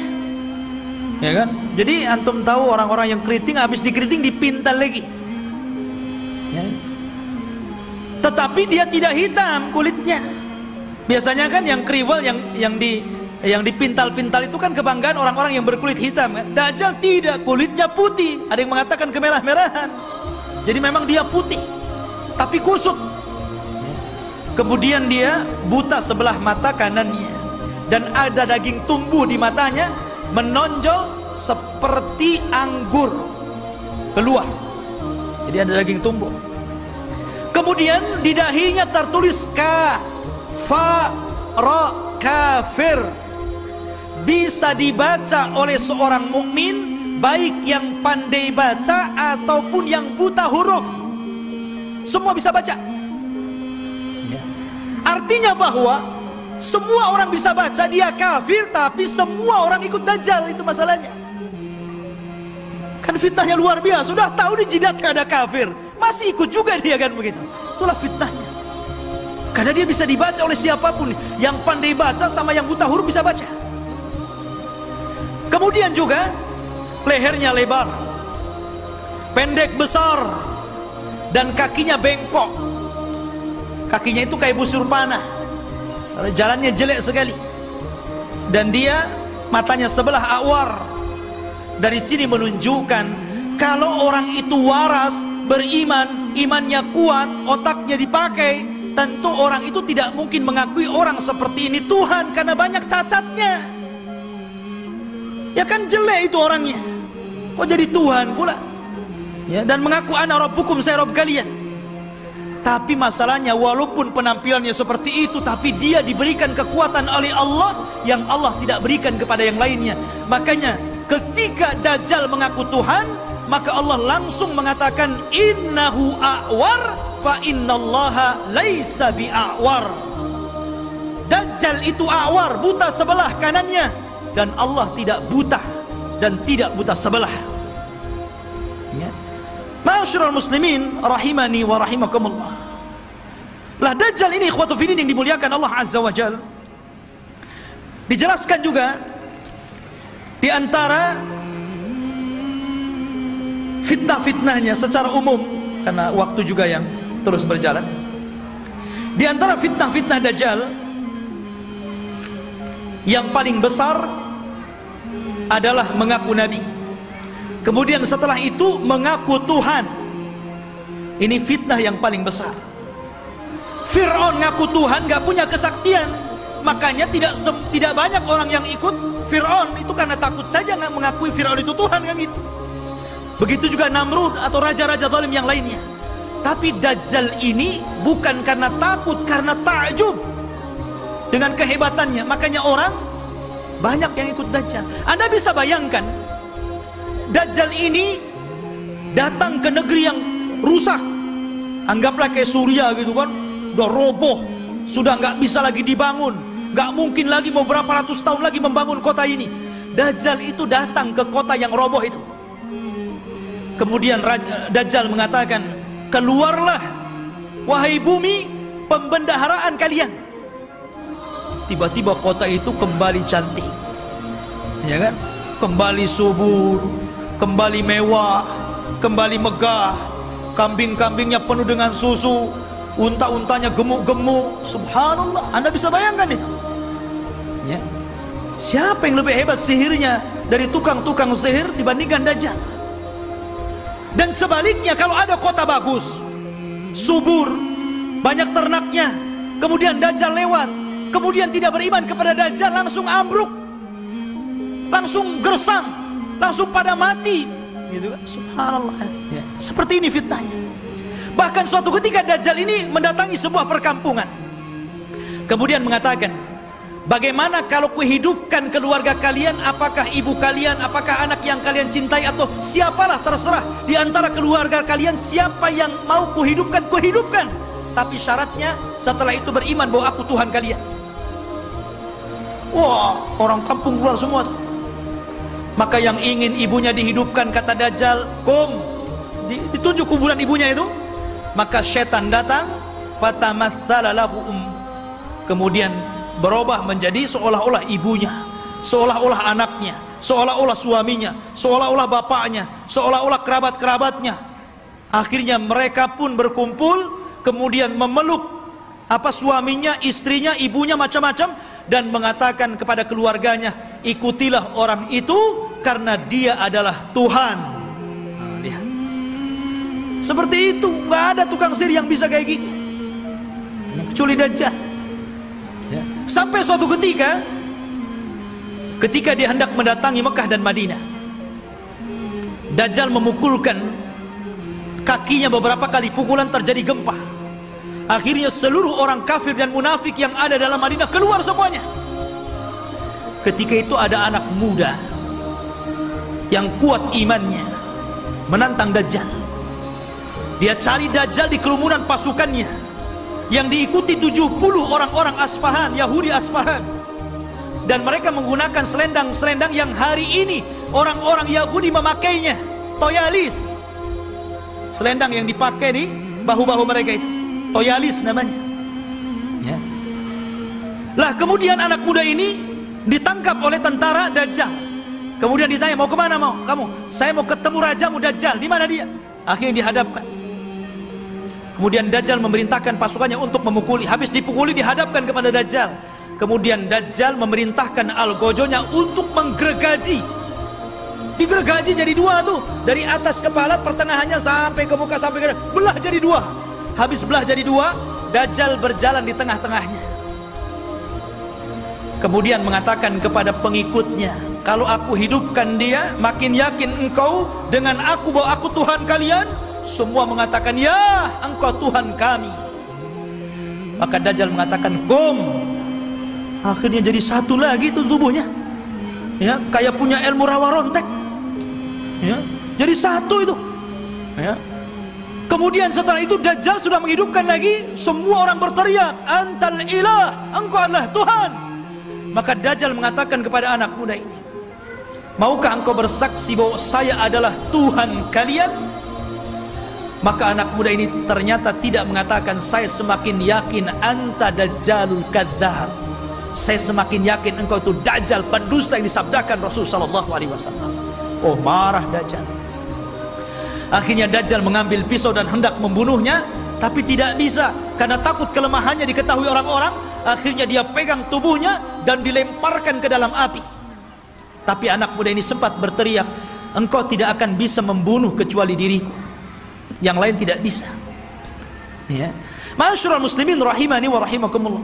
Dari sini menunjukkan bahwa luar biasa Dajjal ini. Lah Dajjal ini akan memimpin pasukan besar makanya orang-orang Yahudi mereka bermimpi kalau terbentuk Haikal Sulaiman dan robohnya Masjidil Aqsa kemudian berkumpulnya pasukan mereka mengatakan kami sedang menunggu Mesius kami. Mesius itu bahasa mereka bahasa kita Dajjal. Bahasa kita Dajjal. Makanya kalau kita melihat simbol Zionis itu kan gambar mata gitu walaupun Zionis itu sudah tidak asli lagi Yahudi karena Zionis itu tidak berpegang dengan Taurat tapi berpegang dengan Talmud. Talmud itu Taurat yang sudah dirobah-robah yang kemudian menjadi protokoler Yahudi. Harus begini, harus begini, harus begini. Itu Talmud bukan Taurat. Mereka mengklaim saja Taurat lahirlah agama Zionis ini ya. intinya bahwa kenapa orang-orang Yahudi bermimpi untuk merebut Yerusalem? Ya tadi karena di situ mereka memimpikan bahwa Mesius akan datang kepada mereka dan akan memimpin mereka. Ini dibenarkan dalam Islam. Karena Dajjal itu akan muncul di situ. Dan akan dibunuh juga di situ. Di Babil Lut. Atau gerbang Lut yang sekarang menjadi kota yang diagungkan orang-orang Israel. Di tengah-tengah Israel Babul Lut itu. Dan Dajjal akan dibunuh di situ. Makanya ikhwatu fiddin ini dimuliakan. Wajar kalau orang-orang Yahudi berusaha untuk menguasai dunia karena mereka bermimpi bahwa Dajjal akan memimpin mereka. Tapi mereka tidak paham bahwa apa yang mereka mimpikan juga ada dalam Islam. Dan kita tidak mimpi ini sebuah kenyataan bahwa Imam Mahdi akan muncul dan akan menjadi musuhnya Dajjal di akhir zaman. Dan akan berperang. Cuman karena Rasul yang pernah mengatakan, kalau aku hidup di zaman kalian, aku yang akan menghadapinya. Tapi kalau aku mati, tidak ada yang bisa untuk membunuhnya kecuali seorang Nabi. Makanya ketika Umar kembali kepada kisah Ibnu Sayyad, Sauf anak kecil itu, ketika dia meramal apa yang di dada Nabi, Umar mengambil pedang dan mengatakan, "Da'ni adrib unukoh." Rasul, izinkan aku ku penggal si Ibnu Sayyad ini. Kata Rasul, "Jangan Umar. Kalau dia dajjal, engkau tidak bisa membunuhnya. Ada orang lain yang akan membunuhnya." Tapi kalau dia bukan dajjal, fala hajaka fala hajata laka biqatli tidak ada hajat engkau membunuhnya ngapain biarkan saja dia ya artinya di sini bahwa terjadinya peperangan pasukan Imam Mahdi dengan Dajjal ini tidak seimbang karena Dajjal ini pasukannya banyak bukan pasukan Yahudi Aspahan yang 70 ribu saja tapi akan diikuti oleh tentara-tentara yang sifat-sifatnya persis seperti tentara Mongol. Belum lagi para wanita belum lagi pasukan-pasukan yang lainnya. Sehingga Imam Mahdi terdesak terdesak terdesak sampai akhirnya sembunyi di bukit Saina di bukit Tur berhari-hari berbulan-bulan sampai habis bekalnya. Ketika pasukan sudah putus asa dan mengatakan wahai imam kalau kami terus di sini kami mati kelaparan. Berarti mati kita mati konyol.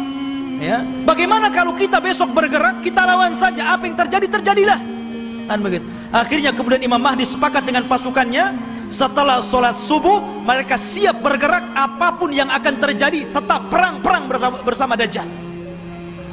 Rupanya Allah takdirkan di situlah langit digelapkan setelah langit digelapkan tiba-tiba ada cahaya. Rupanya dari dua malaikat yang mengapit seseorang yang nafasnya bisa membunuh sejarak sekian dan sekian kalau dihirup orang kafir. Dialah Nabi Isa bin Maryam.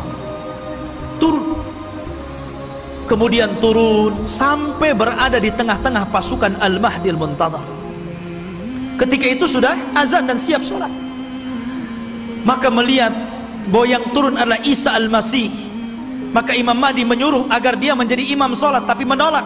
Setiap kaum ada amirnya.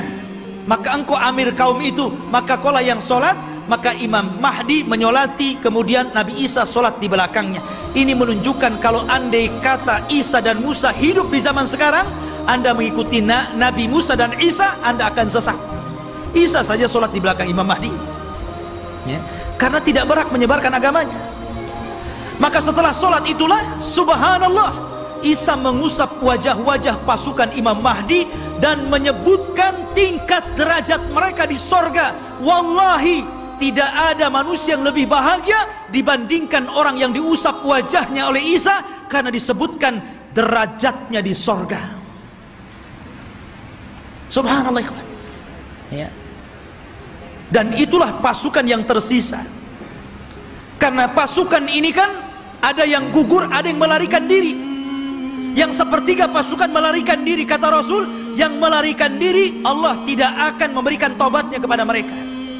Yang sepertiga yang gugur maka kata Rasul mereka adalah sebaik-baik syuhada. Dan yang sepertiganya yang ikut Imam Mahdi inilah yang terus berperang berperang berperang sampai akhirnya melawan Dajjal ketika itu Isa memberikan pilihan dan mengatakan ukhayyirukum bisalas aku berikan tiga pilihan kepada kalian. Pilihan yang pertama kalian tidak usah berperang. Di sini saja bersembunyi. Aku akan berdoa kepada Allah. Allah kirimkan gempa sehingga menenggelamkan seluruh pasukan dajjal sak dajjal-dajjalnya. Atau yang kedua aku akan berdoa kepada Allah agar Allah kirimkan pasukan tapi bukan kalian pasukan inilah yang kelak akan membunuh dajjal. Dan kalian tidak perlu capek sembunyi saja di sini. Atau yang ketiga besok kita berangkat. Saya pimpin kalian. Kita lawan Dajjal. Dan aku akan berdoa kepada Allah semoga tangan-tangan Yahudi dan seluruh pengikut Dajjal tidak sanggup mengangkat pedangnya sehingga engkau tinggal mudah menebas lehernya ah oh, yang ketiga yang enak nampaknya ya. Akhirnya mereka memilih yang ketiga itu. Ya. Diambilnya yang yang ketiga.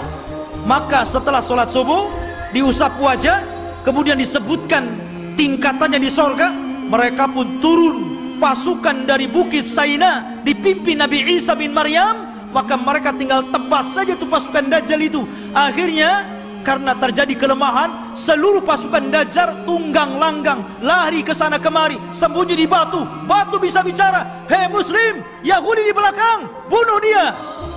Senang ha, ada dia bunuh. Gitu kan. masuk gua gua ngomong masuk pohon pohon ngomong. Tidak ada satupun makhluk kecuali dibuat bicara oleh Allah. Bagaimana Allah hinakan itu? Mereka nggak bisa sembunyi mau sembunyi di mana? Semua makhluk kalau bicara. Hei muslim ini Yahudi bunuh di sini. Ya. akhirnya mereka lari ke sebuah pohon yang dijanjikan bahwa pohon itu bisa melindungi mereka. Kata Nabi SAW kecuali satu pohon mereka tidak akan bicara. Mereka akan melindungi orang-orang Yahud dan pohon itu disebut Gharqat namanya. Pohon Gharqat makanya sekarang karena hadis ini sudah bocor sampai ke Israel maka orang Israel membuat perkebunan sehijau-hijaunya dengan pohon Gharqat tapi sayang kemarin kebakaran. Nanam lagi. Ya. Mudah-mudahan kebakaran lagi. Ya. Masyurul muslimin tetapi dulu saya pernah mendengar ada orang cerita tentang beberapa tokoh-tokoh di Jawa Timur kalau tidak salah. Berkumpul mereka membicarakan tentang fatwa pohon gorkot. Karena bentuk pohon gorkot ini hampir mirip dengan cemara. Ya. sehingga kemudian sebagian mereka mengatakan bahwa jangan-jangan cemara itu adalah gorkot. Sampai akhirnya ada yang memberikan ide bagaimana kalau kita tebang semua pohon cemara itu biar nggak ada orang Yahudi sembunyi di, di Indonesia katanya bukan cemara bukan gorkat ikhwan. Cemara ya cemara. Biarkanlah cemara itu untuk penghijauan gitu kan. Ya. Jadi ikhwatufidin ini dimuliakan. Jadi pohon gorkat itulah yang tidak akan bicara. Makanya orang Yahudi mengembangkan pohon ini di mana-mana. Tetapi Dajjal berhasil dibunuh oleh Nabi Isa di Babul Lut. Babul Lut benteng Lut yang sekarang jadi kota di Israel. Di sinilah Nabi Isa mampu membunuh Dajjal memenggal kepalanya kemudian mengatakan kepada pasukan Yahudi dan Nasrani inilah kepala kalian. Inilah pemimpin kalian sudah kubunuh dari situ mereka menyerah. Lah yang tersisa dari orang-orang ahli kitab dari orang Yahudi dan Nasrani akhirnya mereka beriman kepada Allah lewat perantara Isa. Tapi bukan ikut agama Isa sebagaimana prasangka Nasrani. Mereka ikut agama Muhammad lewat perantara Isa. Dan itu diisyaratkan dalam Al-Quran wa immin ahlil kitab illa la yu'minan nabihi qabla mautihi. Dan sebagian ahli kitab kelak akan beriman kepada Allah dan agama Muhammad sebelum wafatnya Isa bin Maryam. Karena Isa akan berkuasa selama 40 tahun. Rupanya fitnah tidak berhenti. Ya. nanti kita ceritakan fitnah yang lebih besar yang lebih hebat lagi. Fitnah yang kita kenal dengan Ya'juj dan Ma'juj kisahnya luar biasa. Ya kisah Ya'juj dan Ma'juj itu luar biasa sekali untuk kita ceritakan